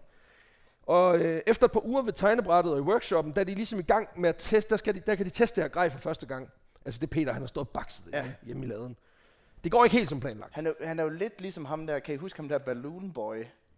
Ja. Ham der, hvor faren han havde bygget en luftballon derhjemme, og så kom han vist nok ikke til at sende sin søn op i den, men det troede alle, og så havde de luftvåben ind over på at skyde den der ned og sådan noget. Som jo er altså standardprocedur, hvis der er et barn, der hænger fast i en ballon 3 meters højde, skyd den ned. Det ved vi fra Launcher Larry. Han skal bare have en gun, og så bare unload that shit. Altså, kom videre i teksten. Det er også meget amerikansk løsning på problemet, er det ikke det? Nå, men øhm, jo, den tyske løsning er jo bare at kaste lort vi får dem også bare gjort så meget mere simple, end de er. Men øh, den her test, den går ikke helt som planlagt. Günther Wetzel beskriver i hvert fald, at det, der sker, det er det her. What came forth from this burner was, just not, was not just a flame, but pure hellfire. And our 11 kilos of gas was used up in no time. Lidt for meget fart på det, Peter, han er gang i her. øhm, og man har også en fornemmelse af, at det her det er sådan et, DIY-projekt, der lige, sådan, lige skal tunes lidt. Ja. Altså, de har set de der videoer fra 5 Minute Craft og vurderet, det kan jeg sagtens. Det er ikke et problem. Eller BuzzFeed, eller hvor fanden de nu har set det. Men det er pis godt. Og øh, Det vil Så- gå fra sådan et, et hyggeprojekt til, at han bare laver, altså går Doom 2 på den, og bare, Nå, men øhm, så de må simpelthen det er tilbage til, til, til, til tegnebrættet, gå videre. Og inden de går videre, så begynder de at tage en masse dejlige billeder af de ting, de har bygget. mm, Måske for at lære. Øhm, de tager i hvert fald billeder af brænderen af kurven, som er øh, den her, de får bygget. ah, Og nu siger jeg kurv. Til dem af jer, der ikke kan se det, det er en, en, en spåndplade, og så er, der, så er der tråd på. ja, Og det er den her, de har stået på. der er de- lige noget ræb om. Ja, præcis. Det, det var det, der var planen. Vi står bare på den her i to kilometers højde. Det er perfekt. Og vi har... Det, Men man må de give ham, det ser godt ud. Jo, men det er stadigvæk... Altså, det er jo familiefædre med små børn. Ja, ja. Og jeg ved ikke, altså min treårige kan jeg ikke styre. Så hvis det er sådan lidt, du skal stå stille, for ellers så falder du to kilometer. Det tror jeg ikke, jeg kan forklare hende. Så var bare sådan lidt, Ville syg, man har sagt. Ja, hold nu kæft. Stå stille! For helvede. Men, men ja, det er simpelthen, øh, og det er også, man kan godt se, far. man kan, man kan også godt mærke, at han har brugt altid på flammekasteren, og ikke så meget tid på det her. Altså, det er der, hans fokus Det har er også den fede del. Og da jeg læste, de havde taget de her billeder, og jeg så billederne, jeg tænkte, det, det er virkelig mærkeligt, det Det her. er også bare, hvad han tænkt sig at bruge den, altså lave sådan en how-to-guide på Ja, præcis. Lige, mm, du ved, lige male dem op nede i byen til sidst, sådan, det var det, vi gjorde. Trick nummer syv vil overraske jer. Ja, Nå, men også bare fordi, jeg kunne ikke lade være med at tænke, det er jo bevismateriale, de har gang i med at lave her. ja. Også fordi jeg tænker, det er sådan noget, Stasi kunne være virkelig interesseret i, egentlig. Altså, har I gjort det? Nej. Okay, hvorfor står I så her begge to med sådan thumbs up med en ballon i baggrunden? Men, og det viser sig faktisk, at der er en snedig grund til, at de to alle de billeder. Okay. For ja, det er bevismateriale. Men det er også bevismateriale, som kan bruges mod det, der. Nå, det er klart. Ja. Imens de to familier bygger den her luftballon, så tager de en masse billeder. De får stadig besøg af deres familie fra Vesttyskland, som så er indvidet i planen, og dermed får smuglet de her billeder med tilbage til Vesttyskland. Og det betyder jo så, at hvis Strelsyk og Wetzel lige pludselig forsvinder, så har de jo bevis på, at det var fordi, de gerne vil væk. Nå, ja, det, Så det bliver faktisk brugt som sådan en form for forsikring. det er Og jeg, jeg sådan sad og tænkte, okay, det, det er fucking big brain det her. Det er sgu da. Altså, de har lige tænkt lidt frem. Ikke at, ikke at jeg tror, at, at Vesttyskland nogensinde ville kunne gøre noget. De, altså, igen, det er jo, det er jo folk, Mm. det er jo bare, de var sådan lidt, har I dem? Nej, det har vi ikke. Vi har billeder af dem her. Nej, har I ikke. Vi har dem lige her. Nej, har jeg jo sagt. Nej, nej, nej! Og Så. selv hvis du får dem til at indrømme, ja, okay, vi er, vi er skudt, Ja, præcis. så, øh, så er det jo alligevel sådan, men hvad fuck vil I gøre ved det? altså, præcis. de fik det dårligt på rouletten, sådan er det. Nå, Don't hate the player, hate the game. altså, Wetzel har efterfølgende selv udtalt, at, øh, at selvom de tog alle de her billeder, og også var lidt lemfældige med dem, så regnede de ikke med, det, at Stasi ville opdage det her. Okay. Hvilket også beviser, at han er rimelig meget en glasset, halvfyldt kind of guy. Ja, ja, det kan ikke være noget problem. Ja, ja. Øhm, og vi er efterhånden nået ind i april 1978. Det er også bare, altså, by, hvor bygger de den? Øh, De bygger den i deres garager, og så tager de den ud, og det kommer vi med til nu, okay. Fordi nu er ballonen syet færdig, og alt grad er klar til tests. Og de her to mænd, de har fundet en, et øde skovområde uden for byen, mm. hvor de simpelthen kan snige sig ud om natten og teste den her hjemmebyggede luftballon. Okay. Og det går af helvedes til. Det er noget værd lort. Nå, Øhm, det var godt, de testede det. Jamen, de tager ud midt om natten, sætter gradet op, og den her ballon bliver hverken helt eller halvt fyldt. Og over de kommende uger, der prøver de en masse forskellige konstellationer, hvor de blandt andet hænger ballonen op og prøver at fylde den sådan. Okay, ved, ja. De giver den lidt vagra. Kom, du kan godt selv. Men man skal også man skal jo huske, at deres, øh, deres alibi er jo, at de bare er campingentusiaster. Vi er i gang med at lave et telt. Undskyld mig, hvad for et telt? Ja. Meget stort telt. Hvad bruger I flammekasten til? Det er trank, ja. Det, Har du nogensinde hørt om promilleservice på Roskilde? Det er os. ja. Ja, det er jo meget mad. vi laver rigtig meget mad. Rigtig hurtigt også. Wow, den er færdig. Øh, Flash fried. Men øhm, de bruger simpelthen de næste nætter i de kommende uger på at teste forskellige konstellationer, men uanset om de fylder den langsomt hurtigt, hvad fuck de gør, mm. de kan ikke få det til at virke. Og det foregår om natten og i stillhed, fordi de vil ikke opdages. Men problemet lader til at være det her stof, de har brugt. Fordi det kan sgu ikke holde på luften. Nå, Det er lidt åndssvagt, egentlig, at man bygger en luftballon det er af lidt sådan ligesom, når jeg, får, når jeg får mælk, så kan jeg heller ikke holde på luften. Sådan Nå, er det jo ikke. Jeg tror nu ikke som sådan, en ballon er laktoseintolerant. Men, men det er mere det der med, det er også det der med, at man bygger, man, man syr en luftballon af sådan bomuldslignende stof, og bliver overrasket over, at det er som om, at luften fiser lige ud af den. Det bliver også meget når det regner. Jamen, det er det. det. Øhm, og det de gør, det er, at de så prøver at lægge sådan et dæksel eller dækken hen over toppen, for ligesom at sige, så holder vi på luften der. Det virker heller ikke. Smider lige en præsending henover. Ja, lige præcis. Lydeløsning. Præcis. Det, Præsending, BD40, gaffatape, Ja. færdig. hvis ikke det ser godt... Hvis det er grim, smid en præsending henover. Hvor er din kone? ja. Nej, undskyld.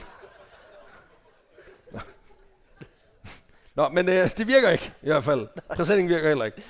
Og til sidst så står de altså en aften i en efterladt grusgrav, som de også bruger til at teste. Og så er de i gang med at lave en test, da Peter Stre- Streltsuk, han ser en skygge, noget der bevæger sig. Og så det får dem til at panik fuldstændig. Så de begynder simpelthen at pakke sammen, fordi de er sikre på, at de er ved at blive opdaget. Så de pakker hele meget sammen i eller helvedes fart, kører hjem af. Øh, De får ikke lige pakket ballonen ordentligt sammen, så den er simpelthen med at blive slæbt efter bilen i 4 km. og bliver flået i stykker. Han er sådan, åh nej, mine fine syninger! Hvad skal vi nu gøre til ballet i aften? øhm, og det er så, det bliver også... Moves ind der. De godt have brugt hjælpen, lad os sige sådan. Og det betyder altså også, at de står tilbage med en flænset ballon, og de tænker, jeg gider ikke mere. Så de giver op Nå, på den her ballon. slut. Ja, nej, fordi Nå. de er ikke færdige. De bygger en mere. De tænker ballon 2,0. Fordi de går i gang med at bygge en ny, samme, nærmest altså dagen efter, samtidig med at de bortskaffer sig resterne ved at brænde den i deres fyr. Som et andet lig. Igen, det siger også noget om, hvor alvorligt det har været. Og det er jo, skal siges, at indtil videre, der er den her ballon kostet dem omkring to, øh, 2.600 mark, hvilket svarer til tre måneders løn for en virkelig vellønnet arbejder. Mm. Så det, er- det er hele, det er alle de indforskende feriepenge, der er røget nu. Men vi skal ikke hjem, vi skal videre. Fordi hvad er tre måneders løn værd? Det er faktisk fordi... meget fedt, fordi lige i det øjeblik, du, øh, du siger det, så kommer jeg til at tænke på, Olsen-banden var faktisk meget populær i Østtyskland. Præcis. Og der er eddermame med flugtforsøg, så de går bare sidde der sådan, hvis Egon Olsen kan, så, så kan vi også. Jeg tænker også, de har, jo- de har jo lavet vurderingen, og de har sagt, okay, tre måneders løn, det er noget pis. Men vi er jo blevet klogere. Vi har fundet, blandt andet fundet ud af, at du kan ikke lave en varmluftsballon af t-shirt-stof. Nej. Og det er vigtigt. Det gør i hvert fald, at de her to opfindere går lidt mere videnskabeligt til værks. Og det betyder, at i forbindelse med ballon nummer to, der starter Günther med at bygge en maskine, som kan måle porositeten af forskellige materialer. Okay. Og det er simpelthen igen, først så var det Peter, der var slakker MacGyver, nu er det Günther, der er slakker MacGyver. For han tager en gammel støvsuger og en papkasse, og så begynder han at, at, at bygge en maskine, hvor han kan suge luft ud igennem stof. Okay. Og så kan han simpelthen måle på, hvor meget, Hvor meget meget luft, luft- der kommer igennem stoffet. Og dermed finde ud af, hvis det bare suger stoffet, og det ryger mm. ned i den gamle nilfisk, så er det godt stof. Ah. Det er ret smart. Det er, det er en virkelig indviklet maskine. Han har fundet på alt muligt. Det er super fedt, og det er Så, så virkelig hvis man hjemmelavet. suger øh, stoffet ind, Ja, så, er og- det, så er det fjong. Ja, og hvis stoffet bare bliver der, så kommer der jo luft igennem. Det er måske meget godt. Det er jo sådan en pro-tip. Lige præcis. Altså, øh, hvis man går hjemme og, og støvsuger, der ligger en t-shirt, der skulle til vask på gulvet, og man lige er i gang med at støvsuge den op, så ved man, okay, den kunne jeg lave en faldskærm af. Præcis. Ja, campingjakken, den virker til gengæld. Men via den her MacGyver støvsuger målekasse, der får han øh, kogt stoffaldet ned til fire kandidater. Øh, nylon, plastik, som man bruger til at lave øh, paraplyer af. Ja. Et kraftigt øh, polyestermateriale, der, bliver, der hedder taffeta, eller taft. Og sengetøjsstof. Okay. I den rækkefølge. Så han lavede sådan ligesom boogie-listen, bare med ting, der, ikke, ting, der forhåbentlig redder vores røv. Hvilket også er boogie-listen i 90'erne, kommer on. Altså. Og den der, The Trucks, It's Not Porn Mom, den fik mig igennem 8. klasse. Vild sidebemærkning, sorry. Et, jeg kunne ikke Det var fordi, være hver gang du blev taget, så spillede du bare den. med sætte den på. Så. Nå, men øhm, jeg kom, ikke, jeg kom også til at tænke på det der med sengetøjstoffet. Det er vildt, det er kommet på listen. Også fordi umiddelbart, der er det jo ikke lufttæt. Men det kan være, det Har er du sådan prøvet nogle... at prutte under en dyne? Desværre. Nej, Peter, det har jeg ikke. Beskriv, oplø- beskriv oplevelsen for mig. Nej, øh, Det er en intens oplevelse. for alle involverede. Ja. Ja. Nej, men jeg sover med en 14, år gammel, med en 14 dage gammel baby, så selvfølgelig har jeg oplevet det. Det er jo den eneste situation, hvor man både kan sige she's og så du gør det samme. Jeg tænkte bare, det, det kunne jo godt være, at det ikke var almindeligt sådan nogle bomuldsstræklaner, men det var sådan noget, sådan vådlæggerlaner eller sådan noget. Oh, ja. Der skal også mange laner til, tænker jeg. Det kan være, at det er derfor, den er røget af listen. Øhm, og man kan sige, at han ender faktisk med at få, øh, at få fundet ud af, hvad der virker. Fordi der er nogle problemer, der opstår i forhold til det, at det ikke kan blive opdaget. Og det betyder simpelthen, at nylon og paraplymaterialet, det bliver udelukket, fordi det kan de ikke skaffe i store nok mængder. Okay. Jeg tror også, det der vådlæggerlagen, det er heller ikke gået, fordi de kan ikke overbevise nogen om, at vi har 800 unger derhjemme, der pisser og skider over det hele. Så jeg skal bruge 900 kvadratmeter pissikkert stof. Er det noget, du kan klare? Please, hjælp. Vi er desperate her. Jeg er i gang med at pissprove hele mit hus. Også uhyggeligt sted at komme ind. Det ligner noget fra Dexter, men det er det overhovedet ikke. Der er ikke nogen, der skal dø her. De skal bare golden shower. Nå, øhm, men det viser sig, at det her taft i hvert fald, det, Ja. ja. det kan faktisk skaffes i en butik i Leipzig, som ligger små 150 km væk. Og det skaffer de så under påskud af, at de er nogle ingeniører fra en lokal sejlklub, som mangler stof til at lave nye sejl. Sådan. Altså ikke for noget med deres, deres gode historier, det er fucking A-game. Altså de er virkelig styr på det der med, vi er øh, ingeniører. Er det ikke rigtigt, Peter? Jo, Jo. jo, jo. Nye sejl, Og- tror jeg. Ja, Ja. giv mig nu bare stoffet. Men de får Var, lov var til I at... ikke kampister sidst? Jo. Jo, men... Nej, nej, du tænker på dem uden overskæg. Præcis. Mig igen. Nej, undskyld, jeg er en anden. Hold op. Nå, de får i hvert fald lov til at købe 900 kvadratmeter øh, taft, og går i gang med at bygge luftballon 2.0. Sådan. Og der kan man sige, ubevidst, der går de faktisk i fodsporene på en af luftballons pionererne, en fyr, der hedder Joseph Montgolfier, som i 1780'erne bygger en af sine første luftballoner af taft, Okay. dog lavet af silke og ikke polyester. Det var en helt lydløs ballon. Han blev nemlig, han blev faktisk senere anerkendt som en af de første til at foretage en ballonflyvning, formentlig også den mest stille i verdenshistorien. øh, og nu går vi i gang. Det er jo ikke, det er jo ikke fordi luftballoner larmer helt vildt. Det ved jeg ikke. Har du nogensinde set de der brændere? Altså, det lader mig helvedes til. Ej. Men, men rent selve luftballon siger ikke så det er så meget. Det er rigtigt. Nå, men øh, nu er vi i gang. Luftballon 2.0. Mere stille end nogensinde. Større. Flottere. Men virker den? Med, med mere gemte syninger. Det er Præcis. helt, ja. Men virker den? Ja! Gør den det? Den virker kraftedet med, mand. Sådan. Ja, det er så fedt. I hvert fald så får Günther og Peter, de får bakset en test sammen, hvor den øh, via den her brænder, og så en blæser faktisk får fyldt ballonen op, og så begynder den faktisk at hæve den her platform, kurve ting, han har bygget. Det her hegn, han har bygget. Det er jo, Det en, begynder at det er, jo- flytte det er jo en, egentlig en tømmerflåde. Det er rigtigt. Lidt. En dårlig tømmerflåde. Øhm, men det viser sig, at den her brænder, som Peter har bygget, den kan simpelthen ikke opretholde en flamme, der er stærk nok til, at den her kæmpe store ballon, den kan holde sig, holde sig kørende. Og det betyder altså, at ballonen ikke kan lette, for der er simpelthen ikke kraft nok. Og det finder de så, Så en de, de løsning flygter på. bare i 20 cm højde hele vejen over grænsen. Nå, os. Don't mind os. Jamen, de finder, de finder faktisk en løsning. I form af ren ilt. Ren oxygen. Okay. Fordi hvis man tilfører det til en flamme, så brænder den virkelig Ja. godt. Øh, så de pumper simpelthen oxygen ind i, i den benzin, de bruger for at gøre flammen mere effektiv. Okay. Problemet er, at de pumper med sådan en pump, man bruger til at pumpe luftmadras, luftmadras op med. Så de står sådan lidt. og det betyder ligesom også, at løftevnen den er sådan lidt sådan her, så det er sådan 20 cm, 30 cm, 20 cm, 30 cm. Og det er noget pis. Især også, hvis man skal flygte, og man er i to km højde, og der står en op på den der Ja. platform, bare sådan. Det, det fungerer ikke for nogen. Øh, Er det turbulens? Nej, det er bare mig, der er det, træt. det er bare Andreas over i hjørnet, der ikke kan styre sig med den fucking fod. Men de finder en løsning på det Så er også. de bare noget mega højt dak på, så kører det. De har faktisk fundet en løsning, for det de gør, det er, hvad nu hvis vi i stedet for at, at putte ilt ind sammen med benzin i takt med, at det Ja. bliver brændt af, hvad hvis nu putter begge ting sammen på en flaske under kæmpe tryk? Okay, det er også en det- god altså- idé. Ja, hvordan fanden gør de det? Jamen det gør, det kan de. Det er de, de er jo, he's, a, he's a plumber, you know. han, det har, han, han har faktisk, altså han er mekaniker, han har fundet ud af, hvordan man gør det. Okay. Problemet er, at det er en god idé i teorien. Men det er primært en god idé, hvis du har tænkt dig at bygge en bombe. Fordi du har to, altså du har en, en meget brændbar væske, mm. og så har du noget, der kan, der kan få det til at brænde virkelig meget, og så putter du det under tryk Nå. i nærheden af, en åben, af åben ild. Ja, okay. Så ja, heldigvis, så sker der ikke en eksplosion. Men da de tester den her, så ender de med at skabe en stikflamme på cirka 10 meter. Så det er herfra så ned til ja, fjerde række eller sådan noget.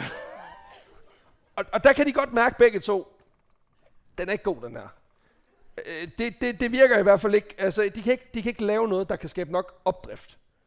Og ja, det ender faktisk med at knække nakken på projektet. Nå, Fordi de kan ikke få det her til at virke. Og de er så- super frustrerede. Så på det her tidspunkt, der er... så de er jo ved at gå tilbage til helikopteren. Ja, men præcis. Jamen, det, det, vi kommer til lige om lidt. Fordi på det her tidspunkt er Günther også blevet arbejdsløs. Og selvom han nu har mere tid til at planlægge flugten, så har han ikke nogen penge. Han har brugt alle feriepenge, det er helt fucked. Ja, ja. Og motivationen er helt i bunden, for han ikke får lov til sjovt nok, der var sgu ikke noget, der hed dagpenge. Nej, det er der ikke.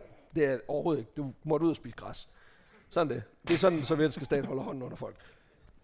Det betyder også, at i sommeren 1978, der trækker han sig fuldstændig fra projektet og brænder stort set samtlige dokumenter, de har brugt til det her projekt, for simpelthen at undgå at blive op. Ja, ja. Er Peter.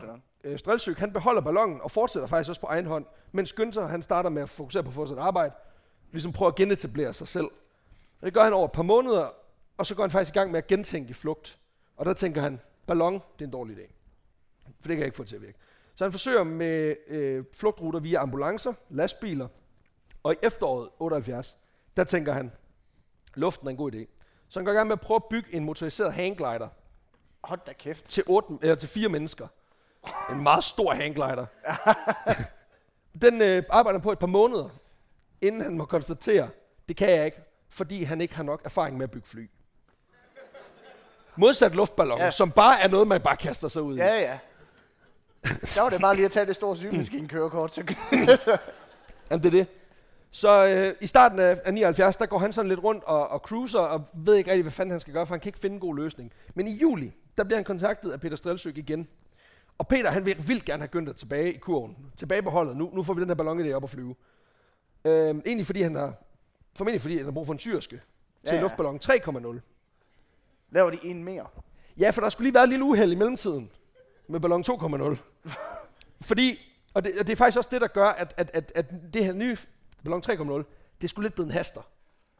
Det er en hastesag nu. Øh, fordi da Peter og Günther går fra hinanden, går hver til sit, der slipper Peter jo ikke ideen om at komme ud, fordi han, han ser det som en fordel, fordi han har før, mm. skulle lave en ballon, der kunne trække, have otte mennesker på. Nu skal han kun have fire mennesker på, for nu skal han kun have sin egen familie med. Nå, over. det er klart, ja. Ja, og der kan han faktisk via noget arbejde få bygget en brænder, som, som kan give det tryk, der skal til for, at han kan holde ballonen kørende. Okay. Så det er pis godt. Og det betyder, at øh, natten den 3. juli 79, altså et par dage før han kontakter Günther igen, der stiger øh, øh, familien Strelsyk op i deres hjemmebyggede luftballon. Med, de stiger simpelthen med 4 meter i sekundet. Så nu virker det. det, det er fandme også meget. Præcis. Og så øh, stabiliserer den sig ved, i 2 km højde. Det er pis godt. Ja. Driver langsomt med vinden, som øh, får dem stille og roligt til at glide imod friheden i Vesttyskland. Det er fandme træls, hvis den går den forkerte vej i vinden. Ja, ja, jamen det, det Så er det tjekker bare, man. fuck inden vi var i Rusland. Det er endnu værre. Jamen det, det tjekker de på forhånd. Vejret er på alle måder med dem. Det går pisse godt, og det ser faktisk ud til at lykkes. Indtil de lige rammer en sky. Åh, Og skyen den er fyldt med, med vand, mm, og det gør, at luftballons materiale bliver tungt. tungt. Og det betyder, at de begynder at tabe højde, lige så stille og roligt. Og så lander de 180 meter fra grænsen til Vesttyskland. På grund af en fucking sky. Og det bliver værre nu. Øh, for de er jo ikke landet på en markvej. Nej, de skulle lige lande i udkanten af et minefelt. som de lige skal krydse for at komme tilbage til Østtyskland. Og Nej. Jo, fordi de kan ikke gå mod vest. Fordi der er jo, der er jo, der altså, er der, er, jo- der er hegn og væg og pis og lort. Så de er nødt til at gå tilbage. Det er, det er en walk of shame. Du skal ikke sige shame, du skal vidste. Den der, hvor de, soldaterne ser dem, de er på vej tilbage, hvor det er sådan, ah, prøv at høre, I behøver ikke engang skyde. Prøv, det her, det var nederlag nok i sig selv. Ja. Altså, Jamen, jeg har også tænkt sådan, hvis, altså jeg kan ikke af, hvis jeg har stået i samme situation, du kigger bare på en mark af sprængstof og vurderer, jeg skal tilbage til det, jeg havde. ja, Så sætter man sig bare på en anden mine. For ja, ja. Øh, de brugte 9 timer på at komme ud af det her minefelt, hvorefter de så skal gå 5 km igennem opmærksomhedszonen, hvor der er patruljer. Og så bagefter det skal de så gå 14 km tilbage til deres egen bil. Pak alt det sammen, som de har smidt. For de regner jo ikke med at komme tilbage. Nej, nej. Men, Men det er hvem godt, han ikke har smidt nøglerne har væk. ikke ballonen med heller. Nej, tilbage. nej, det kommer vi til. Øhm, da de så er gået de 14 km, så skal de lige pakke det sammen, der er, for ikke at blive opdaget. Og så kører de hjem, og de når lige hjem til, at de kan ringe til skole og arbejde og melde sig syge. Fordi de har haft en lidt lang nat. Relatable. Øh, jeg vil sige, det er ikke det samme som at blive far. Det er noget hårdere. Øh, det er ligesom at gå igennem minefelt. Bare med Lego-klodser og pisse og lort på gulvet. øhm, ja, det er vildt og bittert. Øhm, ikke bare fordi, at, at det betyder, at altså, de blev heldigvis ikke opdaget, men det betyder ikke, at ballonen ikke blev opdaget. For det gør den, fordi den ligger jo Ja, ja. der, hvor den landede. Og det betyder jo, at politiet og Stasi, de har opdaget, at der er bare kraftet med nogen. det, de er jo nødt til at slæbe den hen så langt med jorden, Ja, ja, de skal med, og så springer alle minerne bare, som de er lige gået Præcis. ind over. Og det betyder faktisk, at nu er Stasi lige pludselig bevidst om, at der er nogen, der fucking er i gang med at bygge en luftballon for at Åh. komme ud herfra. Og det er ikke så godt. Og det er derfor, at det er blevet en haster, Peter. Åh oh, ja, det er klart. Ja. Øhm, ja. Så- Og det betyder altså, at, at, at de er nødt til at, at komme i gang her. Og, og på trods af, at, at Peter har fucket Ma- Max op her. Altså han har, by, han har brugt mm. ballonen, han har fået den, the cover is blown. Så er Günther sådan lidt, fuck it, vi gør det. Nu er vi pres. Så, nu er det fedt. og det betyder, at den 27. juli, der går de sgu i gang igen, og de knokler. Så fordi de, de speedbuilder. de speedbuilder. Også fordi, at, at på det her tidspunkt, der, øh, der efterlyser de efterlyser simpelthen, Stasi begynder at efterlyse folk, der har noget med det her at gøre, for de finder, ud over ballonen finder de også nogle forskellige ejendele, Ja, ja. som godt kunne traces tilbage, måske. Og det er motivation nok. Altså, Ja, det det, er utroligt, sige, hvor ja. meget det hjælper at have Stasi i nakken. Øhm, Strelsyk har gjort, hvad han kunne for at undgå at blive Der opdaget. kan man sige, er- det der øh, skidt eller skudt øh, barometer, det er, altså, det, det er ret godt til lige at Vurdere, hvor er vi. motivation i hvert fald. Præcis. øh, Peter Strelsyk har gjort, hvad han kunne for ikke at blive opdaget. Han har blandt andet så han solgt sin bil og brændt alt. Hvilket så også betyder, at de skal starte fra scratch igen. Så de har ingenting, de har ingen tegninger, de har ikke noget stof. Symaskinen er der endnu. Ye old trusty symaskine. Men, men ellers så har de ingenting. Det er også bare, nu er der bare en eller anden, nu ser jeg Stacy bare, de er ude og kigge ud i området. Ja. Og så siger de bare, at der er en fyr, der nu for tredje gang er i gang med at brænde en hel masse ting, som man sjovt nok kunne bruge til at bygge en ballon af, Præcis. men han brænder det jo, så er det jo ikke ham. Men øh, de, går, de er i hvert fald hurtigt i gang, og Peter står for at, at genkonstruere en brænder, ligesom den, der bragte mm. dem til Vesttyskland, mere effektivt, mens Günther og begge deres hustruer kører hele Østtyskland rundt for at få mere af det her stof, det her taft. Øh, de køber i alle farver, længder, størrelser. Doesn't. Okay. matter, vi skal bare have det hele. Det er ikke æstetisk værdi, der er vigtigt. Jo, fordi nu bliver det en fucking fabulous ballon, de får bygget. Åh oh, ja. Masser af farver, og det har vi brug for nu. Det ender med, at de er nødt til at køre helt til Rostock, som ligger 500 km væk, for at købe stof, uden at blive opdaget. Og nu, er- nu, bliver det, altså, nu er det helt opsprængende ryger. Øhm, og det viser sig også, at de skal bruge lidt mere, fordi de har også lavet nogle flere beregninger, sådan sådan. Og det viser sig, at de kom frem til, at ballonen den skal være dobbelt så stor, for at de kan, for Ja, at de kan gøre er det jo her. to familier, ikke? Jo, så de laver en ballon, der er øh, s- 63 meter i omkreds, og 25 meter høj. Det er kraftet med... Det er en fucking stor ballon. Det- De skal bruge øh, 1250 kvadratmeter stof, og så skal Günther altså bare i gang med symaskinen. Ja, for, Det er håndsving. Det kan være, at han har en anden svinger på. De, de kører i døgndrift. når han er færdig med det her, så er der jo... øh, De leder, lige nu leder Stacy efter en mand, der har en meget stor højre arm. Ja, præcis. Det kan være, at venstre der bare har gokket mel, så for at kompensere. Det er så ikke, vi opdaget, skat. Så. Nå, men øhm, altså, jeg vil sige, han har, han har erfaring nu. Og det, gør, det kan man se på, han, han, han har både stamina og speed, fordi der går seks uger. Okay. Så har de en fucking luftballon. Det er jo hurtigere end ting fra Wish. Altså, det er et virkelig altså, effektiv levering her. Bortset fra, at den her gang har de ikke testet, for de har ikke haft tid til at teste ting. Det vil sige, at de har ikke testet ballonens Nej. holdbarhed, om den kan bære luften, om brænderne virker, om de kan blæse ballonen op. De har ikke testet en skid. Men fordi de er bange for Stasi og politiet, så beslutter de sig for, at nu er nu. Og da de perfekte vindforhold viser sig mellem den øh, 14. og 15. september, så tager de sgu chancen.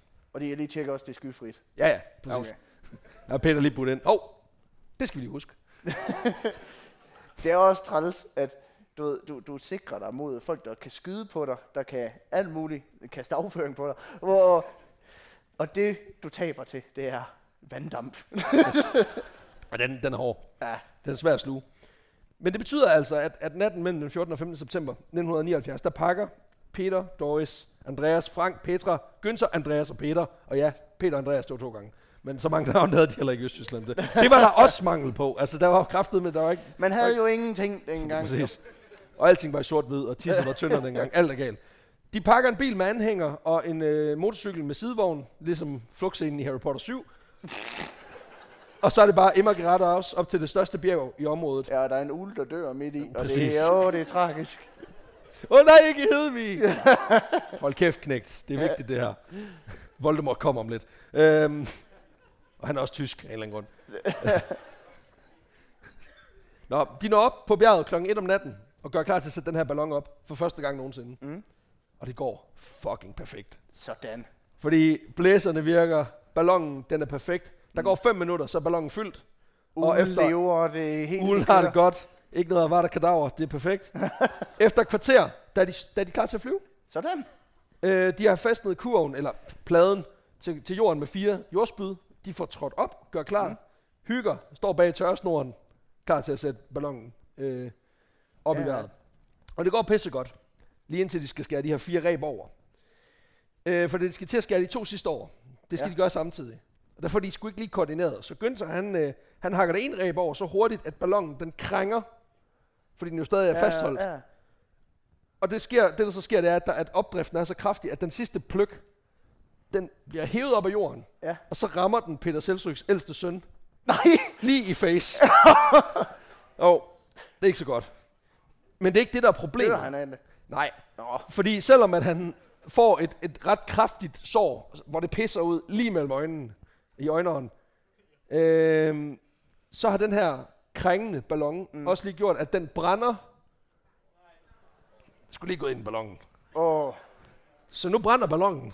det er ikke så godt. så skal man i hvert fald flyve ind igennem sådan en sky af vanddamp.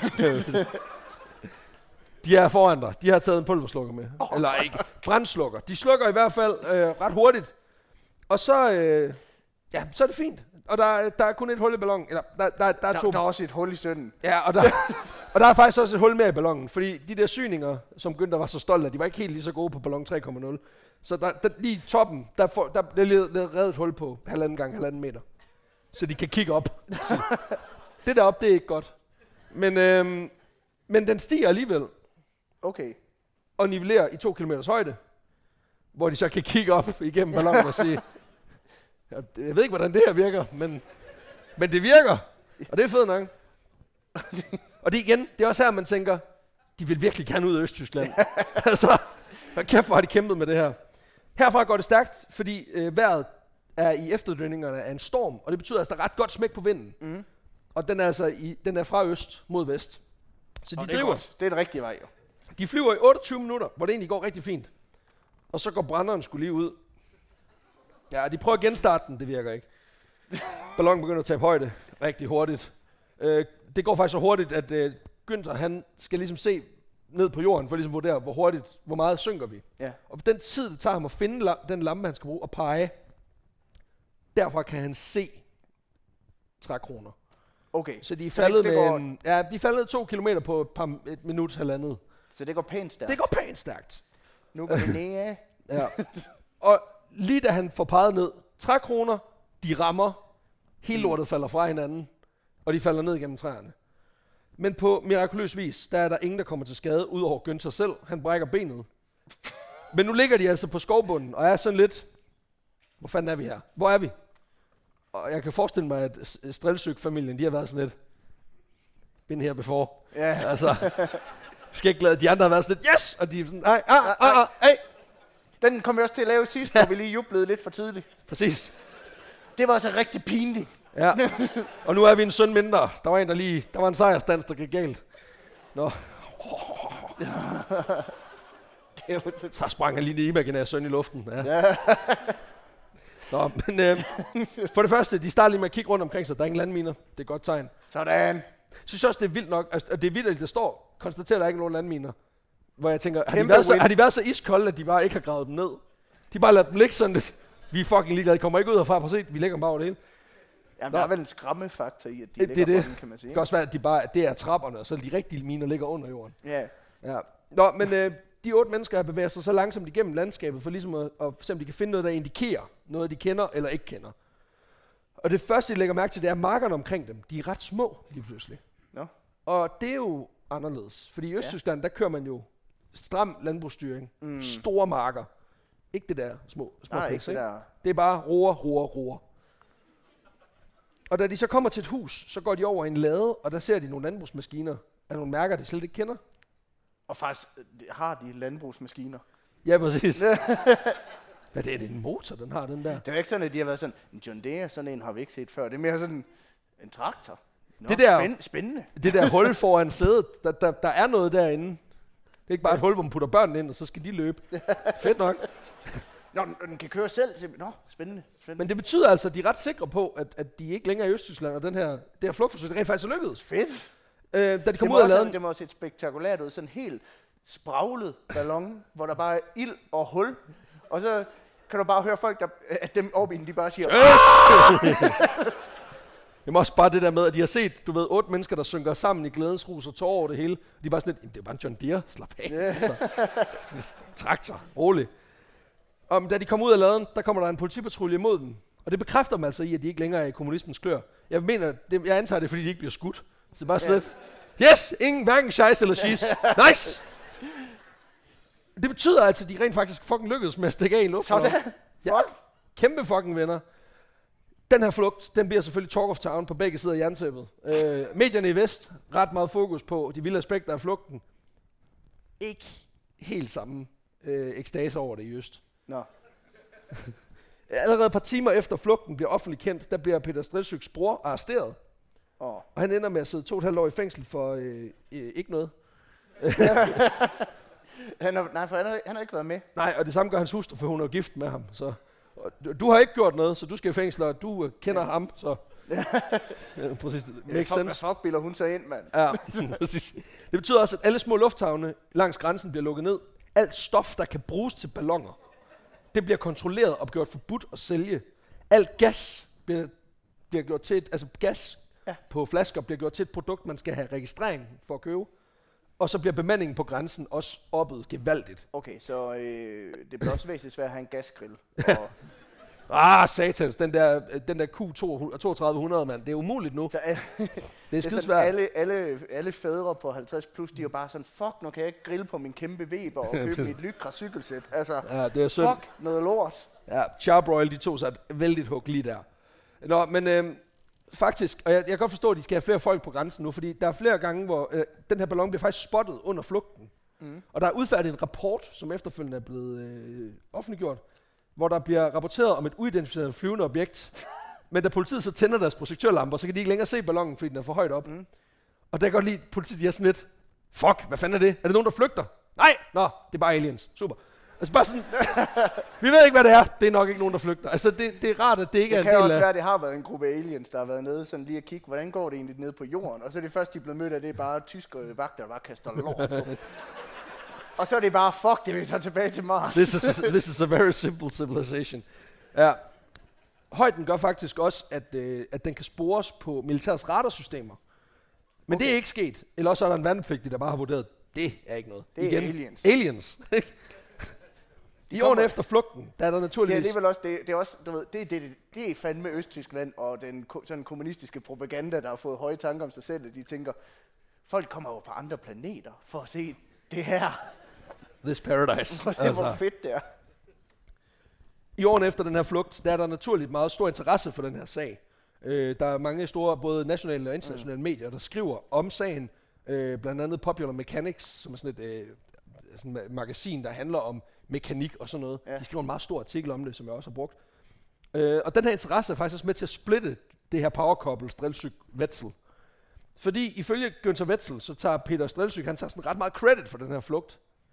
Fordi han er sådan lidt meget, øh, øh, ham der, øh, Günther der, altså det han gjorde, det var, at han syede ballonen. Og det er sådan lidt, altså jeg tænkte sådan lidt, det er rimelig badass at sy tre balloner, en af dem på seks uger, slap dog af. Men Ja, ja. øh, Günther han mener i hvert fald, at øh, han har budt ind med, mange, med nogle tekniske kompetencer, og faktisk, de har været rimelig meget sammen om det her, men der er Peter sådan lidt mere, ah, overhovedet ikke. Det skal dog siges, at den information har jeg fundet på en hjemmeside, som Günther Wetzel selv har oprettet, for at fortælle sin side af sagen. Og jeg kan ikke afvise, at hvis du Så han, han har sin egen hadeside på internet. var sådan, Peter Stresse lugter ost. Dot- dot .de er sådan noget. .com. Ja, men, ja, og jeg, jeg kan ikke afvise, at det bliver lidt det samme, hvis du lige pludselig kommer Euroman, og du er sådan lidt, det er faktisk mig, der bærer podcasten. Altså, det kan godt være, der kommer en Peter Løder af Lugter ost. lugter ost.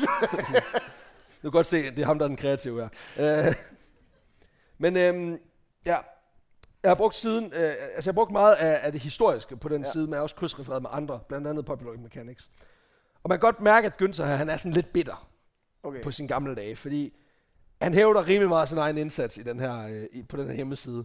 Altså han meget sådan, så gjorde jeg det, det var ret fedt. Så gjorde jeg det her, det var faktisk også ret fedt. Så gjorde Peter det her, det virkede overhovedet ikke. Nej, det var Ikke? fucking nederen. Og han er også grim og dum. Ja, præcis.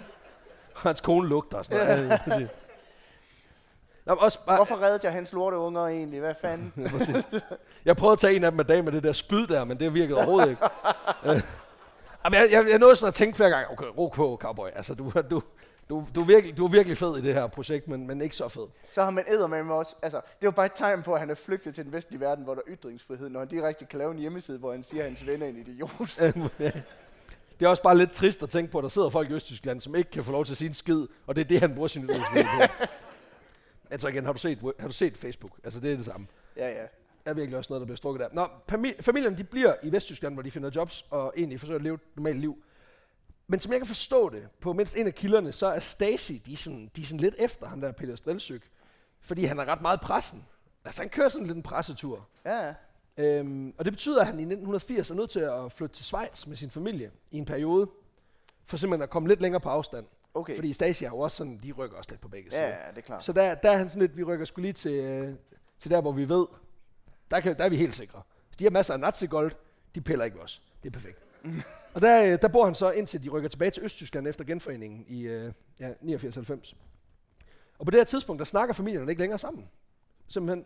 Nå. Øhm, og det er åbenbart noget med, at der har været nogle gnidninger, de har været uenige, og så er det noget med, at Strelsyk-familien har fået nogle ret fede invitationer til nogle fede arrangementer og sådan noget. Hvor de ligesom siger, kan du ikke også lige spørge de andre? Og de er sådan lidt, jo, jo, det kan vi godt, og så gør de det overhovedet ikke.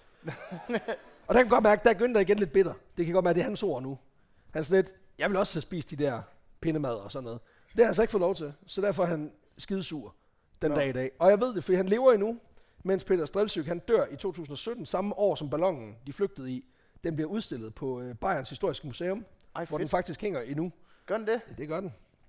Og det var altså historien om, hvordan den vildeste flugt fra DDR, den øh, skete med varmluftsballon. Fedt. Så øh, Jamen, det var sgu for det. Nå.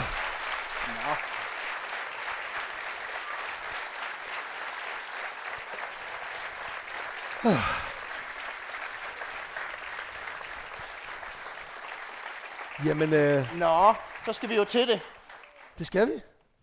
Og du har stadig tingene rigtigt den her gang. Alle Jeg har faktisk taget ting parametre. rigtigt, og jeg skal ikke tisse, og jeg har de rigtige bukser på, så Ingen kan godt damebukser være, han her, er tømmermænd, men han er velforberedt. Øhm, Det ved vi jo ikke, altså det er jo ikke dig, der har fortalt historien. nej, det er faktisk rigtigt. Du har bare siddet stille. Øhm, vi skal have ranken på barometeret, Ja, tak. og vil du lige... Øh, Ja, altså det, det bliver jo sådan, at fordi jeg har ikke købt billetten, så får I også den eksklusive ret til at sige noget. Øh, men det er stadig diktatur. Så øh, det bliver På den sådan, måde er det meget ligesom det, det er det her. Det er jo sådan, vi rangerer vores øh, historier fra, fra 0, øh, fra, det er jo faktisk overhovedet ikke give 0, men øh, fra, fra, et, øh, fra 5 til 100 mm. er det jo det, vi kan give. Fem parametre, vildskab, lol, faktor, uniqueness, influence og extra spice, der også er spicet ekstra op i dagens anledning. Øh, og det bliver sådan, at mig og Peter, vi giver 0 til 5 mm. hver, og så får I lov til at give 1 til 10, og det bliver simpelthen defineret ud fra klap. Så vi uh, tæller fra 1 til 10, og når I holder op med at klappe, så er det der, vi lander. Så øhm, er det cool? Alle er med? Sådan cirka. Ja, Der er i hvert fald fire deroppe. Så Fedt. får I magten. det er et oligarki, det her. nå. Vildskab. Ja. Hvor jeg er må vi, kun gå op til 5, Vi må gå op til 5. så vil jeg gerne give den 3. Okay. Super skid. Øh, jeg tænker bare det der med, at man bygger en varmluftsballon tre gange. Fordi man virkelig bare gerne vil væk. altså, hvis du troede, Ulrik Thomsen han havde det svært i det kølerum, så de her, de har lige taget, de har lige det den. Så jeg er altså på fire. Du Det på en sige. 4. Ja. Okay, så det er, Det er 7 syv. fra Aarhus af. Nå. En. To. Tre. Fire. Fem. Seks. Syv. Otte. Ni. 8. Otte. Otte. 8. Igen diktatur. Så det er 15. Det er 15. Ja, tak. LOL-faktor. Altså, Altså, Jeg ved godt, er, du giver den er to. Ikke, den er jo ikke lolleren i sig selv. Det mest lolleren, det er, at du Ja. ikke kan tysk.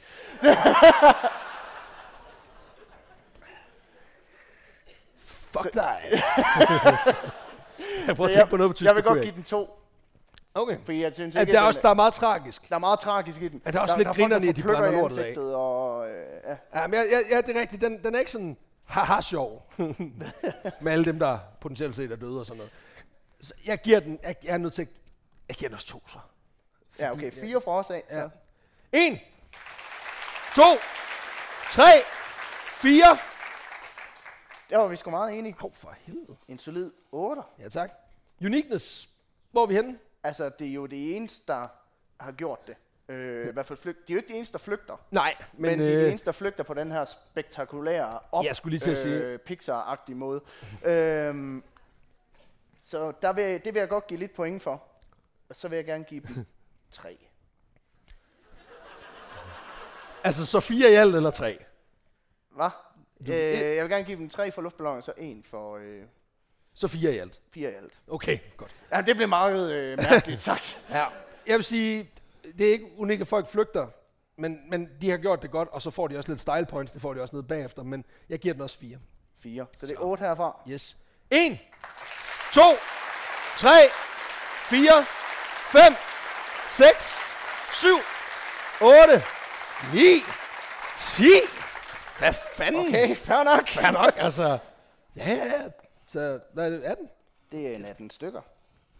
Indflydelse, det er jo det svageste led, altid. Ja. Men der, vi har sådan nogle... For man kan sige, typer. hvis der lige pludselig var en strøm af luftballoner, der fløj efter det her. Hvis Nenas sang rent faktisk var blevet til Ja. noget.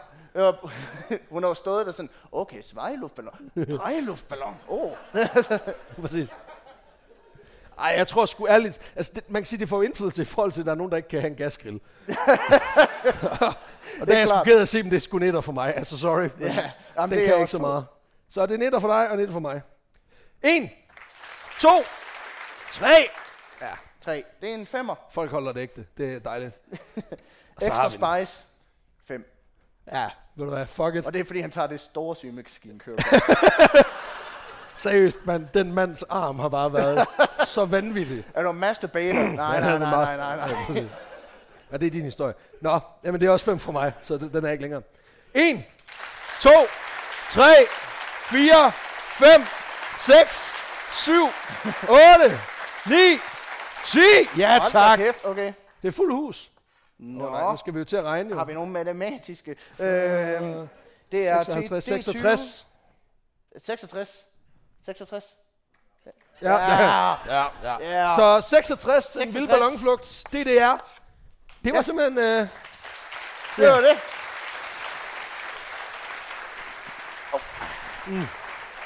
Ja. Men venner, for helvede. Og der er det jo mega godt, at man tog en sort t-shirt på, når man skal håndtere krit. Det er derfor, du aldrig bliver rigtig god lærer. Men en god podcastvært. Ja. Så øh, kære venner, for helvede. Nu er vi her igen. Og hvor er det vildt, at der er så mange, der er mødt op. Det, Ja. øh, det, det, det chokerer os hver gang. Ja. Men øh, for mig er det her jo gået fra at være et lille hyggeprojekt til lige pludselig at være... Øh, Det er livsstil. ja.